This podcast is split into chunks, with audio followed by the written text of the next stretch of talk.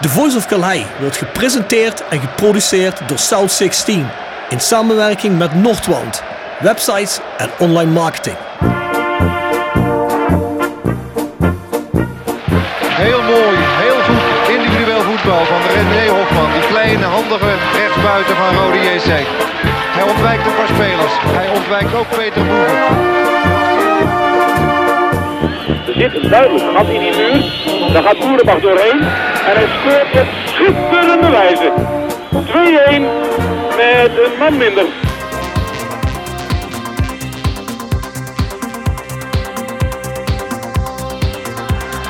Babangida aanspelen, jazeker. Mooie beweging. En hangen geblazen. Wat een goal zeg. Uit het boekje, een team met een griffel.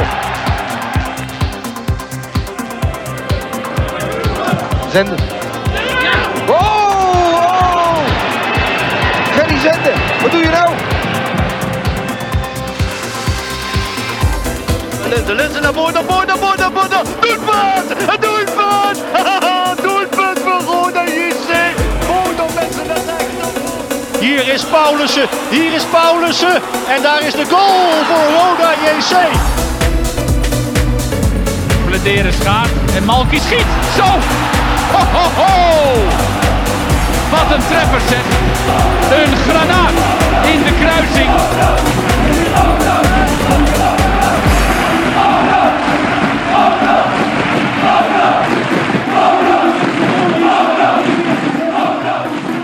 Dit is Boyd Rijt en je luistert naar The Voice of Calhei. Ja, goedemiddag Bjorn. Bestuurskamer C zit er weer eens. Het is voor mij een eh, tijd geleden, hè? Ja, ja jij, mensen vragen al mij al, is Bjorn Jegers uitgecheckt van die podcast? Je zit alleen met andere co-hosts. Dus ja, eh, ik vraag hem ook af, aan de hand, jongen. Ja, maar ik vind het altijd eh, fijn als mensen me vragen. Hè? En als ik berichten krijg van eh, we missen je, dan, dan doe ik het een beetje voor. Hè? Ja? ja? Ja, ja. Heb je ook een bericht gekregen van de week van Ibrahim Afellay? Of niet? Nee, niet Ibrahim Afellay, hoe heet hij nou? Die andere gast. Oh, je bedoelt uh, Mo Iataren. Mo Iataren, nee, die bedoel nee, ik. Nee, helaas niet. Ja, Maar gast weet misschien niet dat jij advocaat bent, maar, eh, hè? Maar daar komt hij nog wel achter. maar eh, die heeft jou niet uh, Nee, geappt. nee. Quincy Promes ook niet. Nee? Nee. Ja, het waren wel mooie rechtszaakjes Ja, geweest, mooie ik. Die rechtszaakjes Promes was een hele mooie geweest, denk ik. Ja, er, wordt- er komt steeds meer bij bij hem. Ik denk dat hij denkt, eh, blijf maar lekker in Rusland. Dat denk ik ook. Ja, die komt niet meer terug snel. Ik denk het ook niet. ik zou goed niet doen was. En als dat zo doorgaat, ik denk niet dat er een eh, uitleveringsverdrag is hè, met Rusland. Ja, Russen die eh, leveren niet snel uit. Helemaal geen eigen onderdaan. Nu weet ik niet omdat hij Nederlander is of dat wat anders ligt. Maar eh, ik heb wel eens ergens gelezen dat hij overwoog om de Russische nationaliteit aan te dat vragen. zo? Ik denk, dat lijkt me heel slim. Ja, dat lijkt me ook slim. Ja. Die kan, wordt meteen naar de Donbass gestuurd. Kijk wat hij liever wil, hè? Maar ik denk Ah. dat ik liever hier op hotelkamertje zou gaan zitten in, eh, hoe heet het hier in Sittard? De Gerhorst. De Gerhorst. Ja. Nou, goed, we gaan het zien. Oh, dat zou voor jou sowieso niet slecht zijn eens een keer een weekje zitten. Ja, precies. Hey eh, mensen, ehm, luister en stream ons op Spotify, iTunes, Soundcloud. Of je weet, hè, elk ander platform waar je podcast kunt vinden. Ehm, mocht je een platform hebben waarvan jij zegt, ah, dan luister ik altijd, maar dan vind ik hem niet. Laat het even weten. Dan zorgen wij dat hij daar in ieder geval in de toekomst te vinden is. Voor de rest hebben we natuurlijk ook onze andere podcast, The Voice Matchday. Die vind je op petjeaf.com. Schuine streep naar voren, The Voice of Calais. Dat kost wel een tikje iets van geld eh, per aflevering. Hè? Eh, dat doen we natuurlijk om het allemaal draaiende te kunnen houden. Kun je trouwens ook zo'n donatie doen. Zonder dat je naar de podcast luistert. eh, of als je normaal luistert, hoe je ook maar wil. Hè. Eh, maar ja, goed, eh, ook daar krijg je een, eh een seizoenskaderstap beschikbaar. Dan krijg je extra exclusieve podcasts bij. Plus ja, een Voice of Calais t-shirt na een half jaar. Wie wil dat niet? En eh, nou ja, goed, dan bespreken we dus onze wekelijkse Rode JC-wedstrijden. Zo is er gisteren ook weer een Voice Match Day uitgekomen. Over Helmond Sport Roda. Was zeker heel positief. De mannen waren niet positief. Niet? Nee, ze waren niet positief, nee. Jasper Klute zei, ik heb nog nooit zo'n, ik heb met, nog nooit met zo'n tegenzin eh, de Voice Match Day gedaan. Ja, maar Jasper Kluut is ook wel heel snel uit het veld geslagen. Hè? Nou, ja. Je moet hem iets meer onder je hoede nemen, denk ik. Nou, op een gegeven moment eh, ging het over de graafschap, volgens mij 10 tot 8 jaar geleden. En die jongen begon gewoon een halve selectie op te noemen. Ja, dat vind, vind je dat normaal menselijk? Ja, maar dat kan die wel, hè?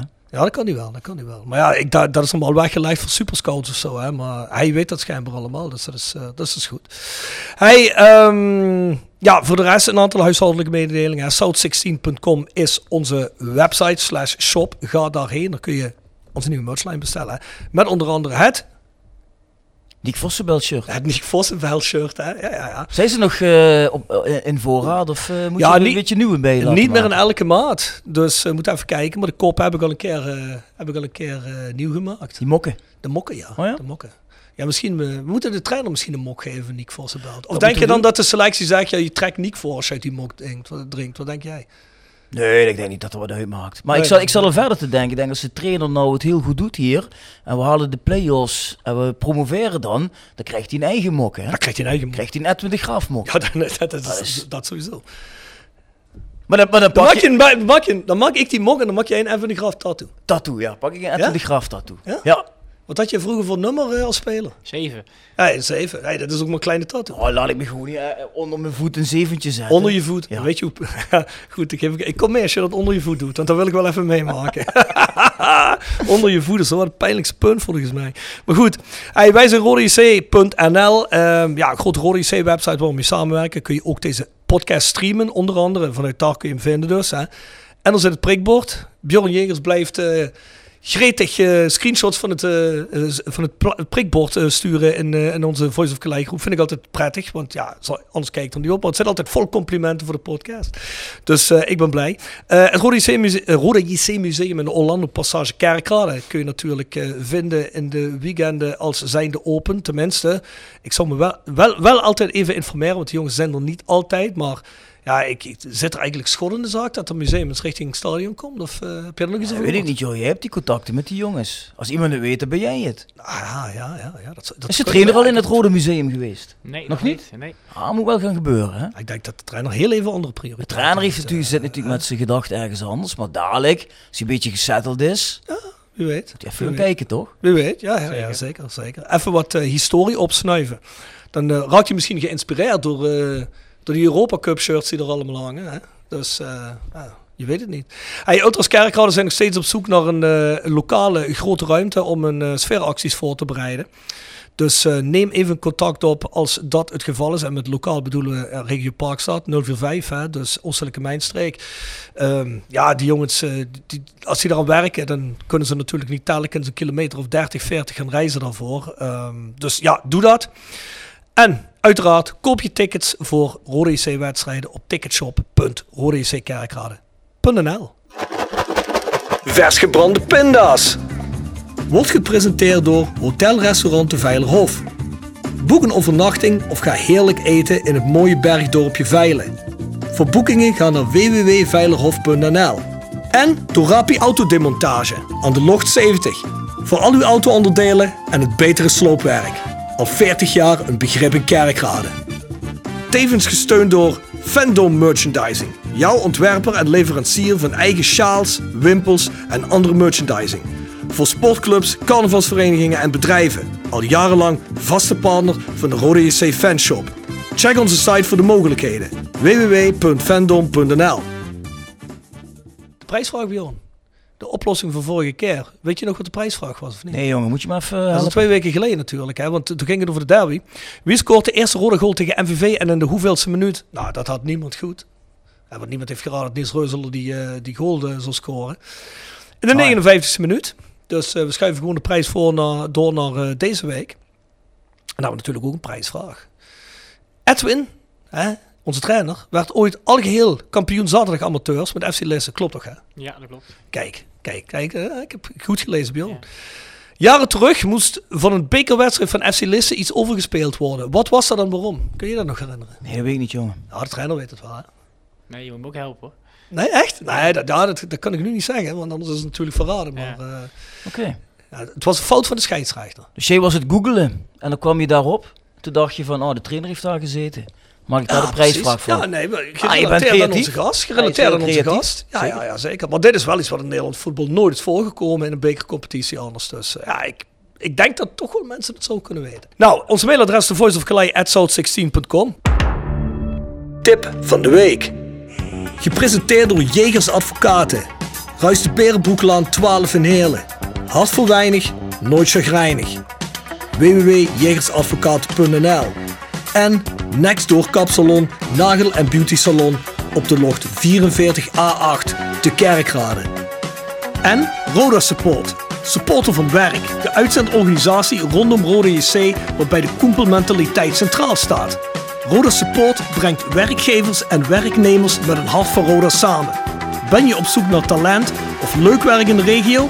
Kijk dan snel op www.rodasupport.nl of kom langs op onze vestiging in het Parkstad Limburgstadion voor een kop koffie en een gesprek met Boris, Peter, Frank of Ben. Tip van de week. Tip van de week. Ik heb laatst op Viaplay de documentaire slash film gekeken over Francesco Totti. Oh. Heb je hem ook gezien? Nee. Die heet eh, Mijn naam is Francesco Totti. Ja, en hij vertelt dan eigenlijk zelf over eh, zijn leven. Begin- je ziet ook heel veel beeld, beeldmateriaal erbij. eh, hoe hij als jeugdvoetballertje opkomt. Hoe hij zijn debuut maakt. eh, hoe zijn eerste doelpunt voor Roma. Hoe Maar die, voetballen die in de jeugd bij Travestese geloof ik. Hè? Hoe heet dat? Traves, Nou, weet ik niet. Ze laten alleen maar zien als hij bij Roma in de jeugd Ah, oké, zit. Het is er volgens mij vrij jonge leeftijd naar Roma gegaan. Als hij international wordt, hoe hij daar de eerste goal maakt. zijn zijn ja, toenmalige echtgenoot, volgens mij is hij inmiddels gescheiden. Eh die film is wel een aantal jaartjes oud. Eh, maar je ziet ook op het einde, is die voetballer af. Dan zie je hem ook door Rome lopen met een hoodie, hè, capuchon op. En dan merk je al een beetje dat hij niet meer zo heel lekker in zijn vel zit. Want hij valt in het bekende zwarte gat. Eh geef ook later toe dat hij met depressies heeft geworsteld, et cetera. Maar eh, ja, ik, ik was wel een groot Francesco Totti fan. Dus ik vond het Ja. wel interessant om te kijken. Ja. Ja, ik heb jaren terug, toen die de laatste derby tegen Lazio speelde, was ik daar eh, toevallig. En het was zijn laatste derby. En dan werd hij, eh, op het einde werd hij, kreeg hij een publiekswissel. Mm. Dat was wel eh, indrukwekkend. Ja. Dus ja, ja. Gaat toen ook onderhand over zijn ruzie met Spalletti, want die kwam als, eh, in zijn laatste jaren als trainer. Ja, die, die gebruikte hem niet meer. Die zette hem op de bank en dan mocht hij twee minuutjes invallen. Ja, dat vond hij dan weinig respect natuurlijk voor zijn, eh, voor zijn naam. En eh, ja, dat wordt dan ook nog uitgemeten, dat conflict met hem. Ja, en zo gaat hij dan langzaam naar einde carrière toe, zijn afscheid. Ja, en dan eh, De keizer van Rome, hè? de zoon van Rome. Zoon van Rome. Keizer van Rome, zoon van Rome. Iets van Rome. Ja. Nou ja, ja, dat is eigenlijk wat hij voor Rome is. Dat is wat die Hij, van eh, Napels is. hij heeft ook een aanbieding gekregen van Real Madrid. Kon die miljoenen verdienen, maar uiteindelijk koos hij er toch voor om bij Rome te blijven. Ja. Ah, vind ik wel mooi. Hij is zijn hele leven daar gespeeld, Ja. hè? Ja, we zien dat nog in de moderne voetbal niet meer, hè? Nu is Rome natuurlijk ook niet echt een club waarvan je denkt van, hm, is kloot als ik daar mijn hele leven moet voetballen. Nee, maar als de miljoenen van Real Madrid komen, ja, dan is denk ik normaal gesproken, kiest iedereen daarvoor. Ja, maar het is toch net niet Europese top-top, hè? Rome. Het zit er altijd onder, hè? Dat is een Europese subtop eigenlijk. Misschien nog wel een tikkie lager, hè? Dus- ja. Ah, ik vind het wel een mooie club. Mooie Ja, ik bedoel, eh, als je tegen mij zegt, je mag je hele leven lang in bij Rome spelen, zal er niks tegen hebben, hoor. Dus, ah, ik speel ook mijn hele leven lang bij Roda, hoor. Nee, weet ik, maar als ze jou 5 euro ergens meer geven, dan ben je meteen weg. Ah, voor vijf Als euro- Fortuna Sittard, ik heb er al vaak, als Fortuna Sittard komt of jij de Voice of Sittard wil presenteren, dan ben je opeens weg. Oei, oei, oei, oei, oei. Of niet? Nee, nee. Nee? Maar ik denk dat mensen mij beter kennen als dat. Eh, ik denk eerder dat mensen denken dat jij weg bent voor 2 euro extra. Maar, helemaal niks uit. Mijn tip van de week. Ik ben vorige week eh, weer voor de eerste keer drie jaar in Engeland geweest. En ja, gewoon het algemeen. Engeland. Lekker heen. Lekker in de pub gezeten. Weet je wel, mooie ouderwetse pubs. Een lekkere pint eh cask ale gedronken. Ehm, genoten van het landschap. Eh, we hebben nogal wat gereisd. Dus eh, ja, je ziet vanuit die van zie je natuurlijk wel mooie landschappen. Lake District doorgereden. Allerlei, eh, ja, hoe heet dat dan nog? eh, heet dat heuvelachtig gebied tussen Manchester, Leeds en Sheffield. eh, ik ben het even kwijt.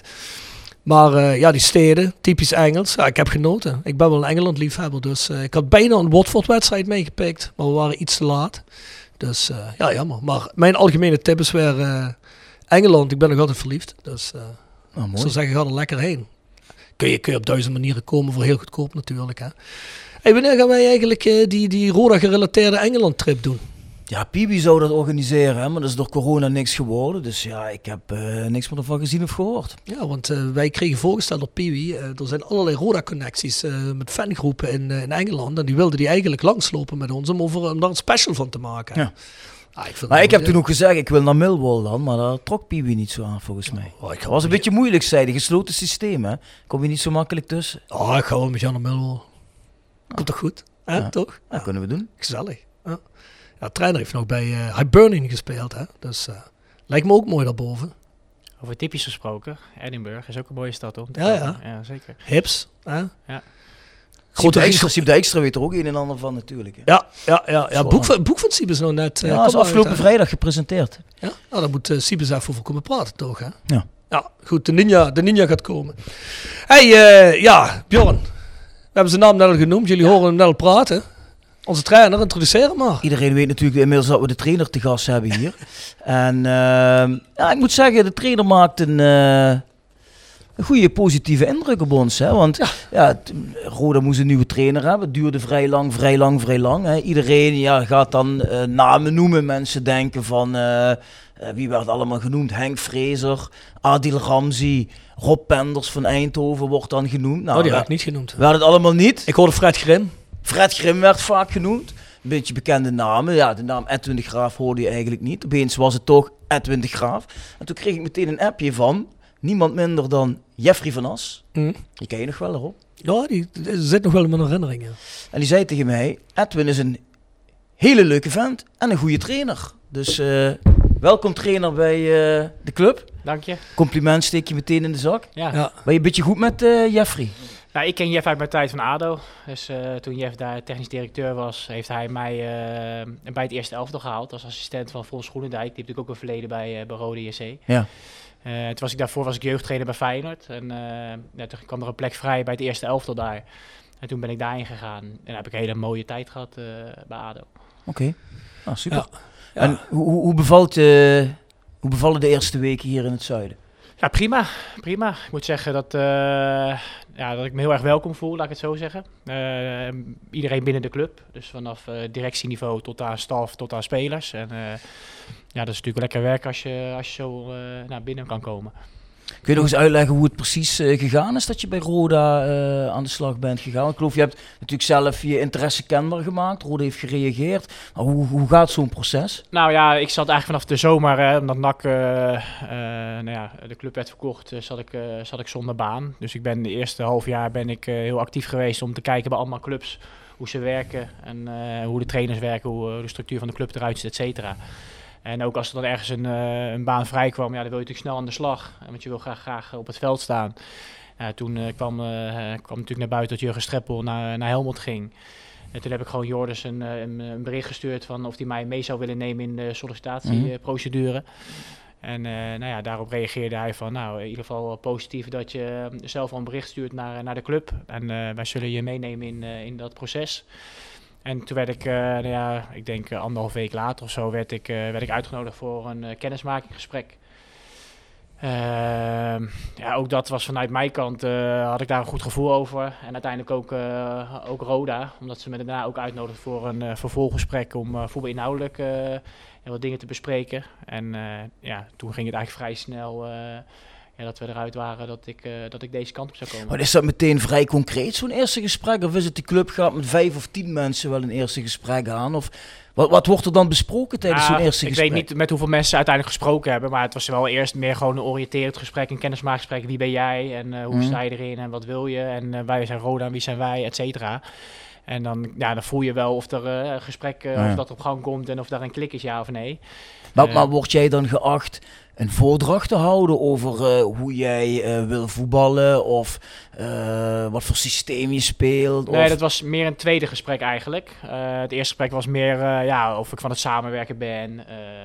Ja, ik ben ook wel van, van de jonge talenten doorontwikkelen. Nou ja, daar ging het, of, of dat soort dingen ging het. Mhm. ja, je komt terug in een situatie dat, ja, dat de staf natuurlijk al staat. Alleen de hoofdtrainer gaat weg. Dus ja, ze zocht ook iemand die met die staf aan de slag ging. Mhm. En ja, ik moet zeggen, ik, ik ben ook van het samenwerken. en We doen het met z'n allen. En eh, ja, dat heb ik... eh, ja, dat heb ik vanaf het moment dat ik binnenkwam, heb ik ook gewoon gekeken van ja, hoe werken we nu en wat goed is, is goed. En als ik denk, ja, dan moeten dingen aangepast worden of iets anders, dan eh, probeer ik dat geleidelijk probeer ik dat te, te veranderen.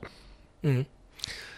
Ja, en dan, dan rij je hier die oprit op, hè, met het stadion. Dan zie je het stadion. Ja. En nou, dan moet je toch denken, van, het is geen, eh, het is geen klote club, toch? Nee, nee. is da- maar dat, eh, to- de tijd dat ik nog speelde, eh, en dat was natuurlijk in de Eredivisie tegen Rode JC, was dit al, eh, ja, vond ik altijd een van de leukste wedstrijden om te spelen. Qua gewoon sowieso het stadion, hoe dat eruit ziet.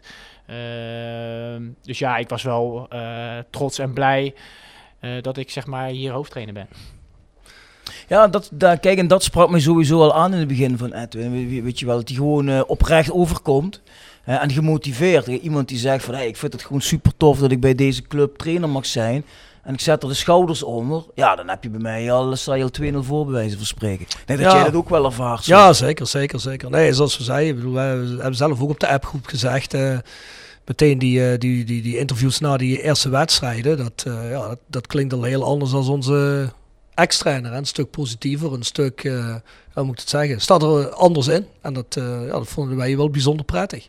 Ja, en wat ik ook eh, heel tof van hem vond, ja, we zijn nou jou hier weer in de reden steken. Zo zijn we normaal niet, maar ehm, wat, wat, wat, wat ik wel Hij vindt het niet erg hoor. Wat- Ja, drie keer verliezen en dan is het anders. Hè? Nee, Maar, dan moet je weg meteen. Ja, Dan- zeker. Ja. Is, er, is er gebeurd, is er gebeurd, je hebt geluk. Deze geven we je nog voor Nee. vrijdag. Nee, wat ik wel tof vind, dat je bijvoorbeeld het aandurft om zo'n jongen als Sammy Ouaissa meteen in de basis Ja. te zetten. En dan denk ik van, ja, ik, heel veel traders kiezen dan voor zekerheid en ik, routine. Ja, dat je dat durft, ja, vind ik wel eh, vind ik tof. Vind ik, mooi om, vind, ik- vind ik mooi om te zien. En hij doet het ook gewoon eh Ja. supergoed naar mijn idee. Nou, ik, ik vind dat ook. Plus, ik bedoel, wij hebben al maandenlang, zeggen wij tegen elkaar, ja, er moet eigenlijk iets veranderen, vooral op het middenveld. Hè? En ja, dan ga je ook, Sammy Weiss hier en her, of die, nou, of die nou net in vorm is, of weet ik veel. Maar je probeert in ieder geval iets anders te doen. Hè? Want de, de, de oude formule werkte niet zo eh, zoals die moest werken. Dus ja, goed, nee, ja, dat, eh, dat kan ik appreciëren. Dus eh, dat vind ik goed. Wat was voor jou de afweging daarin? Hè? Toen, want ik bedoel, je kent OIS in principe niet hè, als je hier komt. Dus je moet er toch, denk ik, door iemand op gewezen worden. Of zie je Nou, meteen op een training eh, dat hij wat heeft? Nou, een combinatie van. Eh, kijk, de wedstrijd na Jong Ajax ben ik natuurlijk gekomen. En eh, toen had hij ook al gedeeld van de wedstrijd natuurlijk eh, meegedaan. En heeft Ja. een hele goede indruk achtergelaten als, als invaller. Dus je gaat wel een overleg met de staf eh, om te kijken of, eh, of dat een vervolg kan, eh, kan hebben. En ik moet zeggen dat hij op de trainingen gewoon een hele gretige indruk maakt. En natuurlijk is hij jong. En je weet ook jonge spelers die gaan heus nog wel fouten maken. Maar ik moet zeggen, sinds ik hier ben, heeft hij het naar behoren ingevuld. Ehm, dus ja, dat was voor mij geen twijfel in, in die zin dat hij dan jong is, dat ik hem niet eh, durf op te stellen. Ik vind als je, ja, als je goed genoeg bent, ben je ook oud genoeg. En eh, nou, dat is bij hem op dit moment het geval. En natuurlijk krijgt hij heus wel misschien een keer een mindere fase. Mhm. Maar daar moet hem alleen maar bij helpen om dat te zorgen dat het zo kort mogelijk is. En dat hij van daaruit weer stappen naar boven gaat maken. En ik moet ook zeggen, vrijdag eh, heb ik in de rust ook aangegeven aan mijn groep. Dat ik vond dat hij misschien wel de beste man eh, in de eerste helft was. Terwijl dat eigenlijk ja, niet zou moeten als je zo jong bent. Dus ik vind dat hij daarin eh, ja, goede stappen maakt. Valt me ook op dat hij fysiek zijn mannetje staat. En normaal een 18-jarige die kan misschien wel lekker ballen. Bijvoorbeeld eh Lennart Hartjes. Die heeft het in het begin toch vooral fysiek heel moeilijk gehad. Hè? Al- Ja. Als jeugdspeler die dan doorbreekt. Die kon ook wel mooi voetballen. Maar bij hem, ja, die gaat gewoon de duels aan en wint ook duels. Eh, dat vind ik op zich best wel. eh, Ja, goed, dat is ook best, groot, best een grote jongen. Hè. Eh, Best wel eh, groot gebouwd, stevig gebouwd. Lennart eh, Hartjes, dat was vooral de eerste seizoen zelf ja, een redelijk tenger mannetje. Hè. Die durfde niet zo, maar eh, ja, die, die klapt er nu ook zo nu en dan wel in. Dat eh, doet hij toch een stuk beter nu. Ja. en wat ik vooral vaker, dat zie je vaak bij jonge jongens die natuurlijk net bij een selectie komen, dat ze nog lekker onbevangen zijn. Hè? Dus Ja. die gaan gewoon het veld in, die gaan hun ding doen. En natuurlijk moet je die tactisch nog wel wat dingen leren. Alleen ja, die staan er wel open en eh, ja, minder berekenend in, laat ik het zo zeggen. Ja.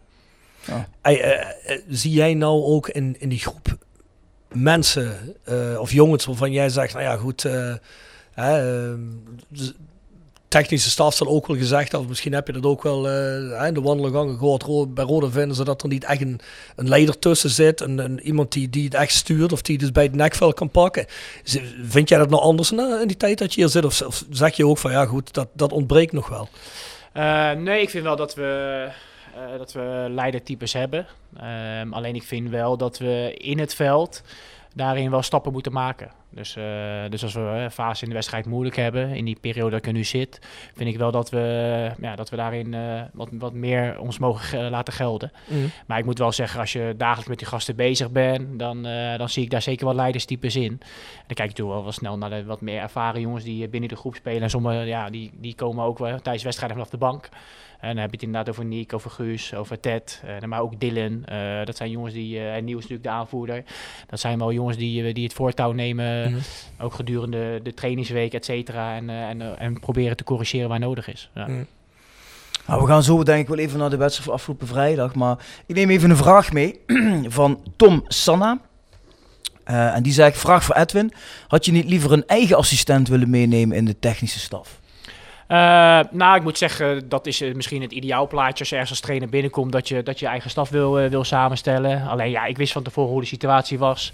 En ik heb, ik heb goed overleg gehad met, met deze staf. En ik moet zeggen, tot nu toe ja, zijn ze echt hartstikke behulpzaam en helpen me waar, waar, ze, waar ze me kunnen. En, en, en ze hebben ook kwaliteit. Dus ik moet zeggen dat ik, dat, ik moet, dat ik daar echt tevreden over ben. En dan heb ik het niet alleen over de trainingsvormen die, ze, die we samen bedenken, maar ook over het tactische vermogen op de bank als we tijdens wedstrijden bezig zijn. En ik vraag wat of ik wil wat weten. Ja, dat, dat, ze hebben gewoon echt een heel duidelijk beeld van wat de kwaliteiten van, van ons zijn en de, en de mindere punten. Dus daarin uh, ja, mag ik niet klagen. Ja, goed. Wil je even een uh, eerste rubriekje doen voordat je ja. het verleden gaat bespreken? Ja, precies. The Sound of Calhei. Gepresenteerd door PC Data Logistics Automation de partner voor leveren, installeren en onderhouden van geautomatiseerde ordeelverzamelsystemen. Zowel lokaal in kerkraden als globaal over heel de wereld. Zoek je een uitdagende job? Kijk dan naar onze vacatures op pcdata.nl. Ook worden we gesteund door Willeweber Keukens. Wil jij graag kwaliteitskeukendesign dat ook bij jouw beurs past? Ga dan naar Willeweber Keukens in de Boebegraaf 1 te Schinveld. We hebben een rubriek die de Sound of Calais, dat is onze playlist op uh, Spotify. En elke gast zet daar uh, zijn momenteel uh, favoriete song in of, of artiest. Je hebt vast wel een, een song waarvan je zegt, nou hier, dat, dat luister ik. Je mag alles kiezen, behalve Jan Biggel. Die, die ken ik geen eens. Dus, dan is het goed. Oh dat, oh, dat is al heel verschil met onze vorige trainer. Nee, van hem is positief. Ja, is positief. positief? Ja, is positief. Is positief. Nou, ja, ik ben wel breed georiënteerd. Dus als ik er nou eentje moet kiezen, dan... Uh, nou, als we dan bij het Nederlandse, Nederlandse volk houden, en dan kies ik toch een, uh, een André Hazes, denk ik. Ja. En welk nummer? Uh, kleine jongen. Oké. Okay. Okay. Zetten we erin. Wat doen we het voor, hè? Ja, ja het is natuurlijk André Hazes. Hè. ik bedoel, de, de helft van, uh, van de jongens en uh, trainers, uh, of in ieder geval staf die uit richting Randstad komt, hè, dat zijn allemaal André Hazes. Hè. Wie nog meer? Goppie, geloof ik, hè? Goppie. Goppie had André Hazes. Um, um, Robert Klaassen. Robert Klaassen. Um, ja, er zijn er nog wel een Kees Luijks. Ja, vast wel. Kees, Kees doet het goed hè, bij ESPN. Ja, doet netjes. Kees zegt altijd, jongens, ik kom terug naar de podcast. Ik kom ook, uh, kom ook gezellig een biertje drinken ergens in het Heuveland. Maar ik moet wel voor ESPN in de buurt zijn, want ik heb het zo druk tegenwoordig. Kijk, Kees. Ja, zeker. zeker. Uh, heb je nog met hem gespeeld? Uh, nee, want hij kwam net na mijn periode toen ik bij NAC wegging, kwam hij daarheen. Maar goed, ja. ja. je komt elkaar natuurlijk allemaal tegen in de voetballerij. En ik moet zeggen, Kees doet het inderdaad prima. Doet prima, hè? Ja. Ah, ik vind het echt relaxed doen. Zo kennen we hem toch, hè, Bjorn? Nee, maar als je me ook had gevraagd van, ja, waar vind je hem het meest geschikt voor, zou ik ook denken. Zo'n, heeft wel een tv-kop, hè? Ja, en bovendien, uh, hij, kan, hij kan op een uh, vrij relaxe manier iets heel, uh, ja. heel duidelijk brengen. Ik weet niet hoe ik dat moet zeggen, maar je dat nog gehoord? Of, had je het gezien, dat, dat stukje van, van Martijn Wismans wat ik gedeeld had? Ja, ja. ja. ja, zo was het toch ook? Zo was het ook. Ja, dat, moeten, dat, dat sturen we je nog wel een keer op, Edwin. Het gaat te ver om het hier allemaal uit te leggen. Maar een goede code bij ESPN over onze ex-volse uh, algemeen directeur. Niet de huidige, niet de huidige. Nee, maar gezellige gast, Kees Luiks. Hey, um, Edwin, heel eventjes. Uh, we gaan met onze gasten die hier voor de eerste keer zitten altijd een stukje de geschiedenis ook induiken. Hè, zodat onze luisteraars daar ook een beetje over te weten komen. Ja. Hey, je bent geboren in Den Haag in 1980. Dat, is, dat klopt toch? Ja, zeker. Ja, ja. Kijk, kijk, nog jong en fris. Frisse 43 jaar. 42. 42, oh. Je moet nog, moet nog jarig worden. Kijk, Was je die nog maar eens, hè? ja, goed, hey, dat zou fantastisch zijn. nou, je speelde je professionele spelerscarrière onder andere voor RBC, Feyenoord, Den Haag, NAC en Hips. Hè? Uh, volgens mij ook nog Excelsior. Ja, hè? ja. ja. Kijk. En nou, wat voelen je nou eigenlijk het meeste thuis? Uh, ik heb me, uh, bij NAC heb ik mijn mooiste periode als speler heb ik ook het langst gezeten. En daar hebben we ook uh, ja, het meeste, meeste behaald, zeg maar. Dus dat was wel mijn mooiste periode. Ja, ja ik, ik zag die feliciteren je ook met je, met je positie hier, zag ik op de socials. Oh, oké. Okay. Ja. Vanuit de club NAC Niet zelf. gezien? Ja, ja. Nou, heb ik gezien, ja. Officiële Twitter-account en zo. Ja. ja, heb ik gezien. Ja. Nou ja, ik, ik heb daar mooie tijd gehad. En, en vond netjes. je bent er natuurlijk ook strijder nog geweest. Nou, zeker. En ook toen heb ik een hele mooie tijd gehad. Dus, dus ja, dat is, dat is wel de, de club waar ik ja, de meeste binding mee heb, laat ik het zo zeggen. De club van je hart. Ja, nou, ik moet zeggen, Feyenoord heb ik ook, uh, zeker als, als je ziet waar ik vandaan kwam, dat ik heel laat in betaald voetbal kwam en uiteindelijk red je nog Feyenoord en daar ben je ook mm. jeugdtrainer geweest, daar heb ik ook... Uh, natuurlijk, eh, ja, een goed gevoel bij. Dus eh, die twee clubs die liggen we wel dichtbij bij, bij me. Ja. Op welke leeftijd ben je gestopt met voetbal? Uh, 32, was vrij vroeg. En toen ben je meteen uh, trainer geworden? Ja, ik heb eerst een half jaar stage gelopen bij, uh, bij de jeugd van Feyenoord. Omdat ik ook bezig was toen met mijn ja, cursus TC3 was dat denk ik toen. En toen ben ik eigenlijk ja, zo erin gerold. En toen mocht ik na een half jaar mocht ik blijven. En toen ben ik gelijk jeugdtrainer geworden. Ja. Wat, wat, wat voor team begin je dan? Ik begon bij onder 14. Ik was assistenttrainer onder 19 toen het eerste half jaar, zeg maar. En toen vroegen ze gelijk of ik een eigen team wilde trainen. En toen heb ik eerst 214 gedaan en toen nog 216.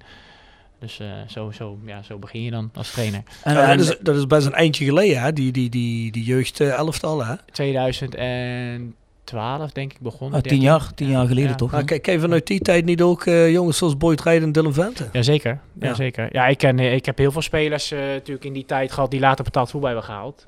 En ook in de, in de andere clubs waar ik gezeten heb, bij ADO, bij, bij NAC, heb ik uh, daar profijt van kunnen hebben om jongens te kunnen huren of zo die ik, die ik in heb gehad.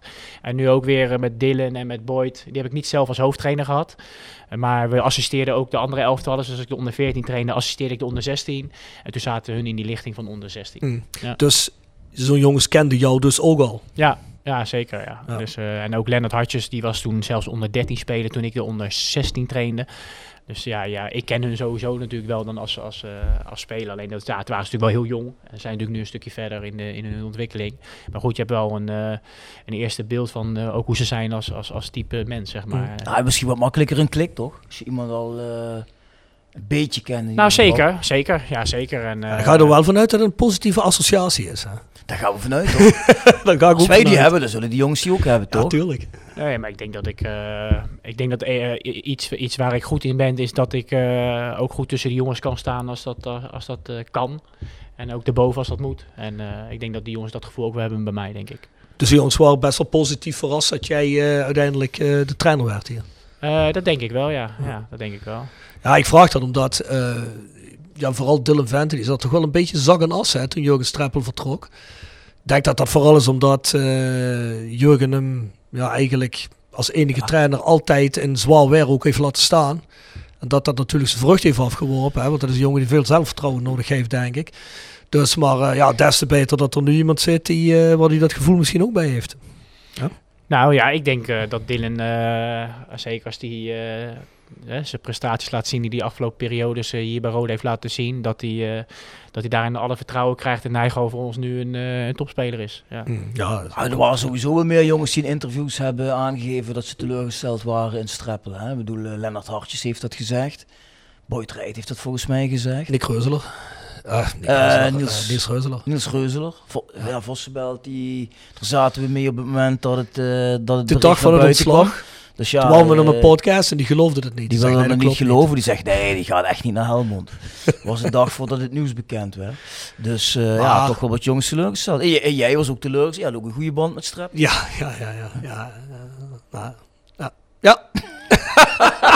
Is dat uh, cynisch? Of, uh... Een tikkeltje cynisch. Tikkeltje cynisch. Uh, nee, we hadden, we hadden persoonlijk helemaal geen, geen problemen ermee. Maar wij vonden wel dat de trainer um, eigenlijk puur tactisch gezien wel uh, dat de ideeën wel op waren op een gegeven moment. Dat hij daar geen alternatieven voor had. Maar daar komen ze meteen op. Niet een betrekking tot Streppel, maar wel hoe jij dat ziet. Um, maar dat, dat vonden wij toch wel een tekeltje. En we vonden hem een tekeltje, ja, hoe moet ik het zeggen, Bjorn? In Duits zeggen ze überheblich. Hè? Nou ja. Ken je een beetje Duits? Uh, nee, even? daar ben ik heel matig in. Nee, ja, een beetje. Een beetje uh, hij stond bekend als iemand die na na interviews, na wedstrijden altijd zei, ja jongen, dat is maar de keukenkampioen divisie. Hè? Ja, dat vonden wij altijd een beetje raar, want daar wil je toch graag uit. Hey, ik denk wel, vergeleken met Strappel, dat, uh, dat Edwin uh, ook hier als hier zit een meer open houding aanneemt. Ja. en Strappel was meer bedachtzaam van, moet alle woorden op een weegschaaltje leggen, terwijl het eigenlijk helemaal niet nodig is. En ja, hij was wel zeer politiek. Dat, dat, idee heb ik ja. bij jou niet in ieder geval. Hij was zeer politiek volgens mij. was zeer politiek correct, ja. ja. En wij zijn dat totaal niet. Politiek, ik weet niet of hij politiek correct was, maar hij was in ieder geval wel.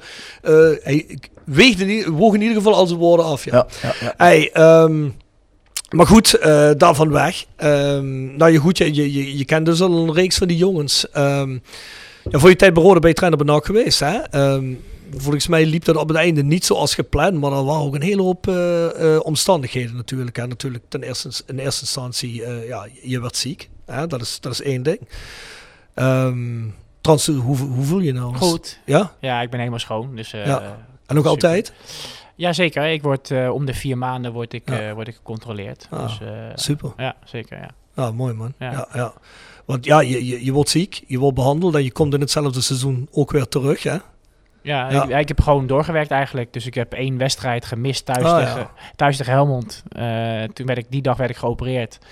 Heb je echt maar één wedstrijd gemist? Ja, ja. Oh. en de rest eh, ben ik gewoon eh, op de club geweest. En ik werd ook nog behandeld voor eh, nou ja, de uitzaaiingen die ik had. Mhm. Dus ik kreeg ik bestraling. En, maar dat kon ik gewoon goed combineren. Ik ging 's ochtends trainen en na de training reed ik naar het Erasmus ziekenhuis. En daar werd ik dan bestraald. En dan s'avonds uh, lag ik er wel af. Ja. Maar dan werd ik de volgende, de volgende dag weer wakker. En denk ik, nou, gaat het eigenlijk wel. Ik ga gewoon weer naar mijn werk. En nou, zo heb ik gewoon ja, die periode doorgekomen. En dat was, eh, achteraf was dat prima te doen. Dus je bent, mooi het, eh, ja, je bent er echt goed doorgekomen dan. Ja, eh, zeker, heb je ja. Goed, goed mee om kunnen gaan met Ja. de hele behandeling. Ja, ja. Ja, dat is goed, hoor je het ook wel eens anders. Hè? Dus, eh, ja zeker. Mooi. Hoe, hoe ben je toen hoofdtrainer geworden van NAC? Want eh, dat is op zich natuurlijk wel een stap. Hè? Was je niet assistent? Ja, ik ben vanuit de assistentrol van, eh, ik was assistent bij Marie Stijn. En eh, nou ja, op een gegeven moment eh, ging die weg bij de club. En toen eh, ja, kwam vanuit de club de vraag of ik het over wilde nemen. Club stond ook in de verkoop, dus ze konden ook niet zoveel in die tijd. En zeiden, ja, je bent ook bekend met de groep. En vanuit de spelersgroep werd ook wel de vraag gezet, ja, we willen eigenlijk gewoon doorgaan op de weg waar we, Hmm. naar waar we begonnen zijn. En eh, ja, zo ben, ik, eh, zo ben ik erin gerold om als hoofdtrainer eh, nou ja, daar aan de slag te gaan. Is dat een grote verandering van assistent naar hoofdtrainer? Ja, tuurlijk. Want je bent natuurlijk eindverantwoordelijke dan. En eh, ja, iedereen kijkt jou aan, zeg maar, om de beslissingen te nemen. Een assistent, dan draag je dingen voor en dan uiteindelijk moet dan de hoofdtrainer weer beslissen. Dus da- daarin zit je natuurlijk, en je hebt met pers te maken en met, ja, met, met ja, zoveel mensen binnen de club die iets van je willen. Dus dat is Mm. wel een andere situatie natuurlijk, ja. Nu heb je wel dat jaar de play-offs gehaald, hè? Ja. Dus min of meer toch wel aan de doelstelling voldaan, denk ik.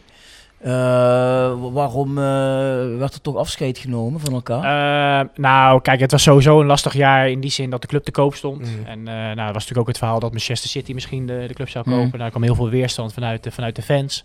En uiteindelijk zijn het lokale partijen die, die de club gekocht hebben. Alleen ja, ik heb nooit met die mensen om de tafel gezeten. En eh, ja, mijn contract liep nog, eh, dat jaar liep dat af, laat ik het zo zeggen. En ja, uiteindelijk koos zij ervoor om, eh, om een nieuwe trainer eh, daar neer te zetten. Omdat ze schoon schip wilden maken. Eh, dus de reden waarom ze uiteindelijk niet door zijn gegaan, ja, dat weet ik niet. Maar mijn contract werd gewoon niet verlengd. En ja, dat, dat, dat gebeurt ook in de voetballerij. Hè. Dat weet je ook Ja. als, als een club wordt verkocht en er komen nieuwe eigenaren die er veel geld in, in steken. Ja, dan is het ook hun goed recht om, om te doen wat zij, wat zij willen. Mhm. Ja, nee, ja, goed, dat is zo. Maar nee, het is ook natuurlijk een beetje raar. Hè? Ik, bedoel, ik denk dat in dat seizoen NAC toch echt op het einde heeft gekomen met een hele hoop perikelen rond dat eh, hele Citigroep verhaal, denk ik. Ja, hè. zeker. Dat moet toch ook veel impact hebben gehad, of niet? Nou ja, kijk, eh, natuurlijk heeft het impact omdat ook niemand weet waar ze aan toe zijn. Hè? Ja, en ook spelers. En eh, ja, ik denk, nou, en ik weet, dat, dat, dat we in dat jaar eh, het maximale eruit hebben gehaald. Als jij eh, eh, voor het seizoen wil je graag nou ja, bij de eerste twee eigenlijk eindigen. Nou ja, dan zie je dat, nou, dat er heel veel problemen komen rondom dat Maurice weggaat. Nou ja, Lokhoff ging weg. Het was heel onrustig met supporters. En nou, dan word jij hoofdtrainer. Eh, nou, tijdens het seizoen eh, verkoop je eigenlijk ook nog je beste spelers. Hè. Tom Haaien verkocht eh, aan, aan Heerenveen. Ja, ja, Ralf. Seuntjes ging naar Ja. Japan. Nou, dat, was, dat waren mijn twee beste spelers eigenlijk op dat moment. En ook de topscorer. En, en, en ja, je had ook wat blessures. Dus uiteindelijk denk ik dat we hè, de play-offs gehaald... dat dat het maximale haalbare was voor, voor NAC op dat moment. En dan moet je in de play-offs een beetje geluk hebben. En daarin ja, vond ik dat we scorend vermogen misten. Wij speelden twee wedstrijden tegen ADO... waarin we twee keer vond ik de betere ploeg waren. Alleen ja, hun hadden Verheid en, en, en Sam Stein die, eh, die de goals maakten. En wij hadden gewoon moeite met, eh met doelpen te maken. Ja, dat is natuurlijk niet gek als, eh als weg is. Nee, dat was natuurlijk ook een hele vervelende jongen om tegen te voetballen, vond ik iedere keer. Ik was als rode supporter blij dat hij op een gegeven moment niet meer meedeed. Nee, wij waren blij dat hij naar Japan ging, hè? Ja. Maar ook gewoon echt een vervelende gas in het veld, hè. Ja, ja, zeker. Ja, winnaar, Echt hè? iemand, echt Ja. iemand Ja. waarvan je op, op publiek, als publiek voor de tegenstander weer echt de pick-up hebt, maar die je wel graag in je eigen ploeg zou willen zien. Ja, zo Ja. is het ook, ja. ja. Een beetje zo'n Juri Schrooien. Weet, je, weet je wat voor type? Ook jouw andere vriend, El Jacoubi. Oh, die haat ik, hè? Maar ik vind wel een goede Wat een lulgast. Ja, ik heb, ik heb, ik heb eh, laatst heb ik op YouTube dat stukje weer even teruggekeken. Hè? Ja, dan zit je dus Maar, steeds hoog, maar, hè? maar- ja, dat, ik vind dat gewoon belachelijk, man. Wat een, wat een, wat een gek. Kijk, kijk dat eh, interviewtje van El Jacoubi, nou die player van ons vorig jaar tegen hun. Ja, ik weet wel dat ze dat ze dat eh, dat hij zei dat jullie dachten dat ze er al waren of zoiets. Ja, maar ja, weet je, ik Ja, bedoel, eh, Dat je, was niet zo. je komt 250 kilometer gereisd, je komt in de laatste 10 minuten van 2-0 achterstand op 2-2 terug. Ja, dan logisch iedereen enthousiast. Jongens, Ja. maak een foto bij de uitvak. Bedankt, uitsupport dat jullie er waren. Het was helemaal niet zo van, we hebben al gewonnen. Maar die El Jacoubi, die, eh, ja goed, whatever. Laat hem maar lekker. Ook niet zijn vriend Edwin. Ja, maar hij is een moeilijke jongen om eh, Ja. een beetje vriendschap mee te onderhouden. Ja, ja. Dat is een beetje Ja, op die manier lastig wel. karakter heeft hij. Ehm, maar goed, nu, nu heb je hier getekend tot het einde van het seizoen, hè, als, het, als ik me niet... Ja, eh, nee, klopt. maar zou- zou je hier willen blijven? En, en zo ja, wat zijn je vooruitzichten daarop? Eh, nou ja, zoals ik me nu eh, voel binnen de, binnen de club, eh, zou ik eh, zeker ja zeggen. En ja, wat mijn vooruitzichten zijn, we hebben gezegd, we gaan het komende half jaar gaan we kijken of die, eh, of die klik er is. En eh, ja, kijken hoe de prestaties eh, zijn. En dan, ja, gaan we na de competitie gaan we samen zitten. En dat vond ik ook niet erg. Want ik snap ook als je, eh, nou ja, toch als onervaren hoofdtrainer, ik heb één jaar hoofdtrainerschap bij, bij NAC gedaan.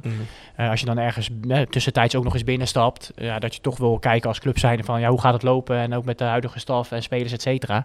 En dat je dan eh, de tijd neemt als club zijn om te kijken hoe dat zich ontwikkelt en dat je na het seizoen zegt van nou ja, weet je, het is goed gegaan, we gaan door. Of je zegt van nou ja, de, het komt beter in onze ogen en we, we gaan weer verder kijken. Dat vind ik helemaal geen, eh, geen probleem. Nee, dat lijkt mij zelf ook wel logisch. Het enige waar ik wel aan zat te denken is, wat, wat, ja, wat voor hem misschien een nadeel zou kunnen zijn. Roda zoekt natuurlijk nog altijd een technisch manager of een technisch directeur. Ja, dat zijn natuurlijk ook vakgasten die denken, oh ja, ik, neem, ik wil mijn eigen trainer Ja, eh, bij eigen meenemen, netwerk hè. weer, hè. Nou, Daar zou je tegenaan kunnen lopen. Hè. Nou, niet als je gewoon Jeffrey van As eh, weer terugpakt.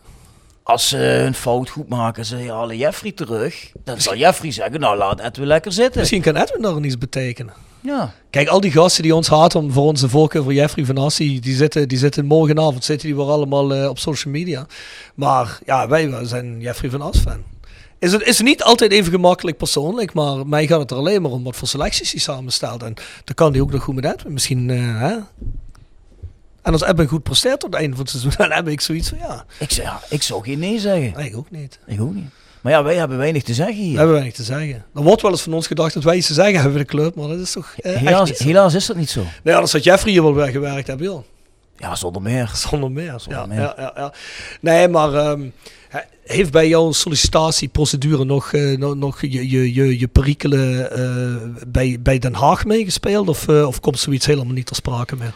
Eh, nou, nee, niet, eh, niet in die zin. Dat, kijk, voor mij is het sowieso al een eh, gesloten boek. Omdat het een, een, een hele Ja. tijd geleden is. En eh, ik daarna ook alweer andere functies heb bekleed. En Mhm. ik denk dat ze me daarop beoordeeld hebben. Gewoon, en in het gesprek dat we gehad hebben, ja, zien zij wat voor persoon ik ben. En ik denk dat dat voldoende was om, om een volgesprek Ja. te hebben. Ja, want er komt ook wel eens op socials kwam dat naar voren. Hè? Maar ja, goed, iedereen Nee, maar verdient vooral- gewoon een tweede kans. Hè? Nee, Dus, eh, maar, nee, maar precies. Maar vooral, kijk, ons interesseert het ook, laten we eerlijk zijn, geen, eh, geen ruk. nee. Wat iemand gedaan heeft vijf jaar of tien jaar geleden. Ik bedoel, ja, iedereen eh, maakt fouten. Dus eh daar zijn wij de laatste om daar mensen op af te rekenen. Het was wel opvallend dat Roda daar dan geen probleem voor maakt. Omdat Roda tegenwoordig wel een club is wat heel erg eh, te koop loopt met ideeën van het moet allemaal verantwoord zijn, et cetera, et cetera. Dus dat was wel een opvallend iets op zich. Ja, alleen Nou. ik, ik, ik wil er nog aan toevoegen. En dat is dan eh, het laatste wat ik daarover wil zeggen. Is dat er heel vaak ook dingen geschreven worden op social media. Terwijl ja, eh, het niet altijd blijkt dat het zo is zoals het geschreven wordt. Laat ik Nee, dat is ook nog zo. Ja. Dat is ook nog zo. Nee, en het positieve eraan is, hè, misschien eh, is Rode wel helemaal niet zo eh, in dat beleid. Als ze zeggen, hè, het, zou, Nee. het zou positief Dat zijn zou dat het niet- niet dat zou- altijd zo is. Dat zou niet verkeerd zijn. Hè? Hè? Maar ja, onze zegen heb je Edwin en dat is het allerbelangrijkste. Zeker, zeker. Ja, Nou ja, heb jij nog een eh, ander rubriekje? Zeker, Edwin? zeker. Jolis Jo wordt gepresenteerd door RodaJC.goals. Het Instagram-account voor je dagelijkse portie Roda-content. Iedere dag een doelpunt uit onze rijke historie. Van Aruna Kone tot Shane Hanze. Van Bob Peters tot Dick Nanninga. Volg RodaJC.goals op Instagram. Tevens gesteund door Metaalgieterij van Gilst. Sinds 1948 uw plek voor gietwerk in brons. Van brons, van Gilst. We hebben een Jolis Jool. Ja, ja, ja, je zit nog niet zo lang in het Limburg, zodat je al weet wat Jool is Jool betekent. Nee, ik zit de hele dag van, wat zeggen jullie nou? Wat zeggen jullie nou? Echt serieus? Ja. Zijn wij zo slecht verstaan? Nou, als zij onderling eh, Limburgs gaan praten met elkaar, dan... Ah, eh, ja, dan, eh, Ja, dan dan, wordt het moeilijk. Ja. Oké, dus als wij dadelijk in de kerkraad verder gaan, dan eh, wordt het moeilijk. dan eh, moet ik echt puzzelen, denk ik. Maar als wij eh, praten zoals we nu praten, gaat het toch dan wel, gaat het goed, ja. ja. Ja? Ja? Ja, want wij horen wel eens over onze podcast in het land. Er zijn wel eens mensen die vanuit het land die zeggen van ja, die podcast van Rode, ja, dat is toch een beetje moeilijk. dan denk ik van ja, waarom nou man? Wij zijn toch zo, ja, zo voortreffelijk verstaanbaar. maar ja, wij kunnen geen ander accent gaan aanmeten natuurlijk. Hè? Dat klinkt niet.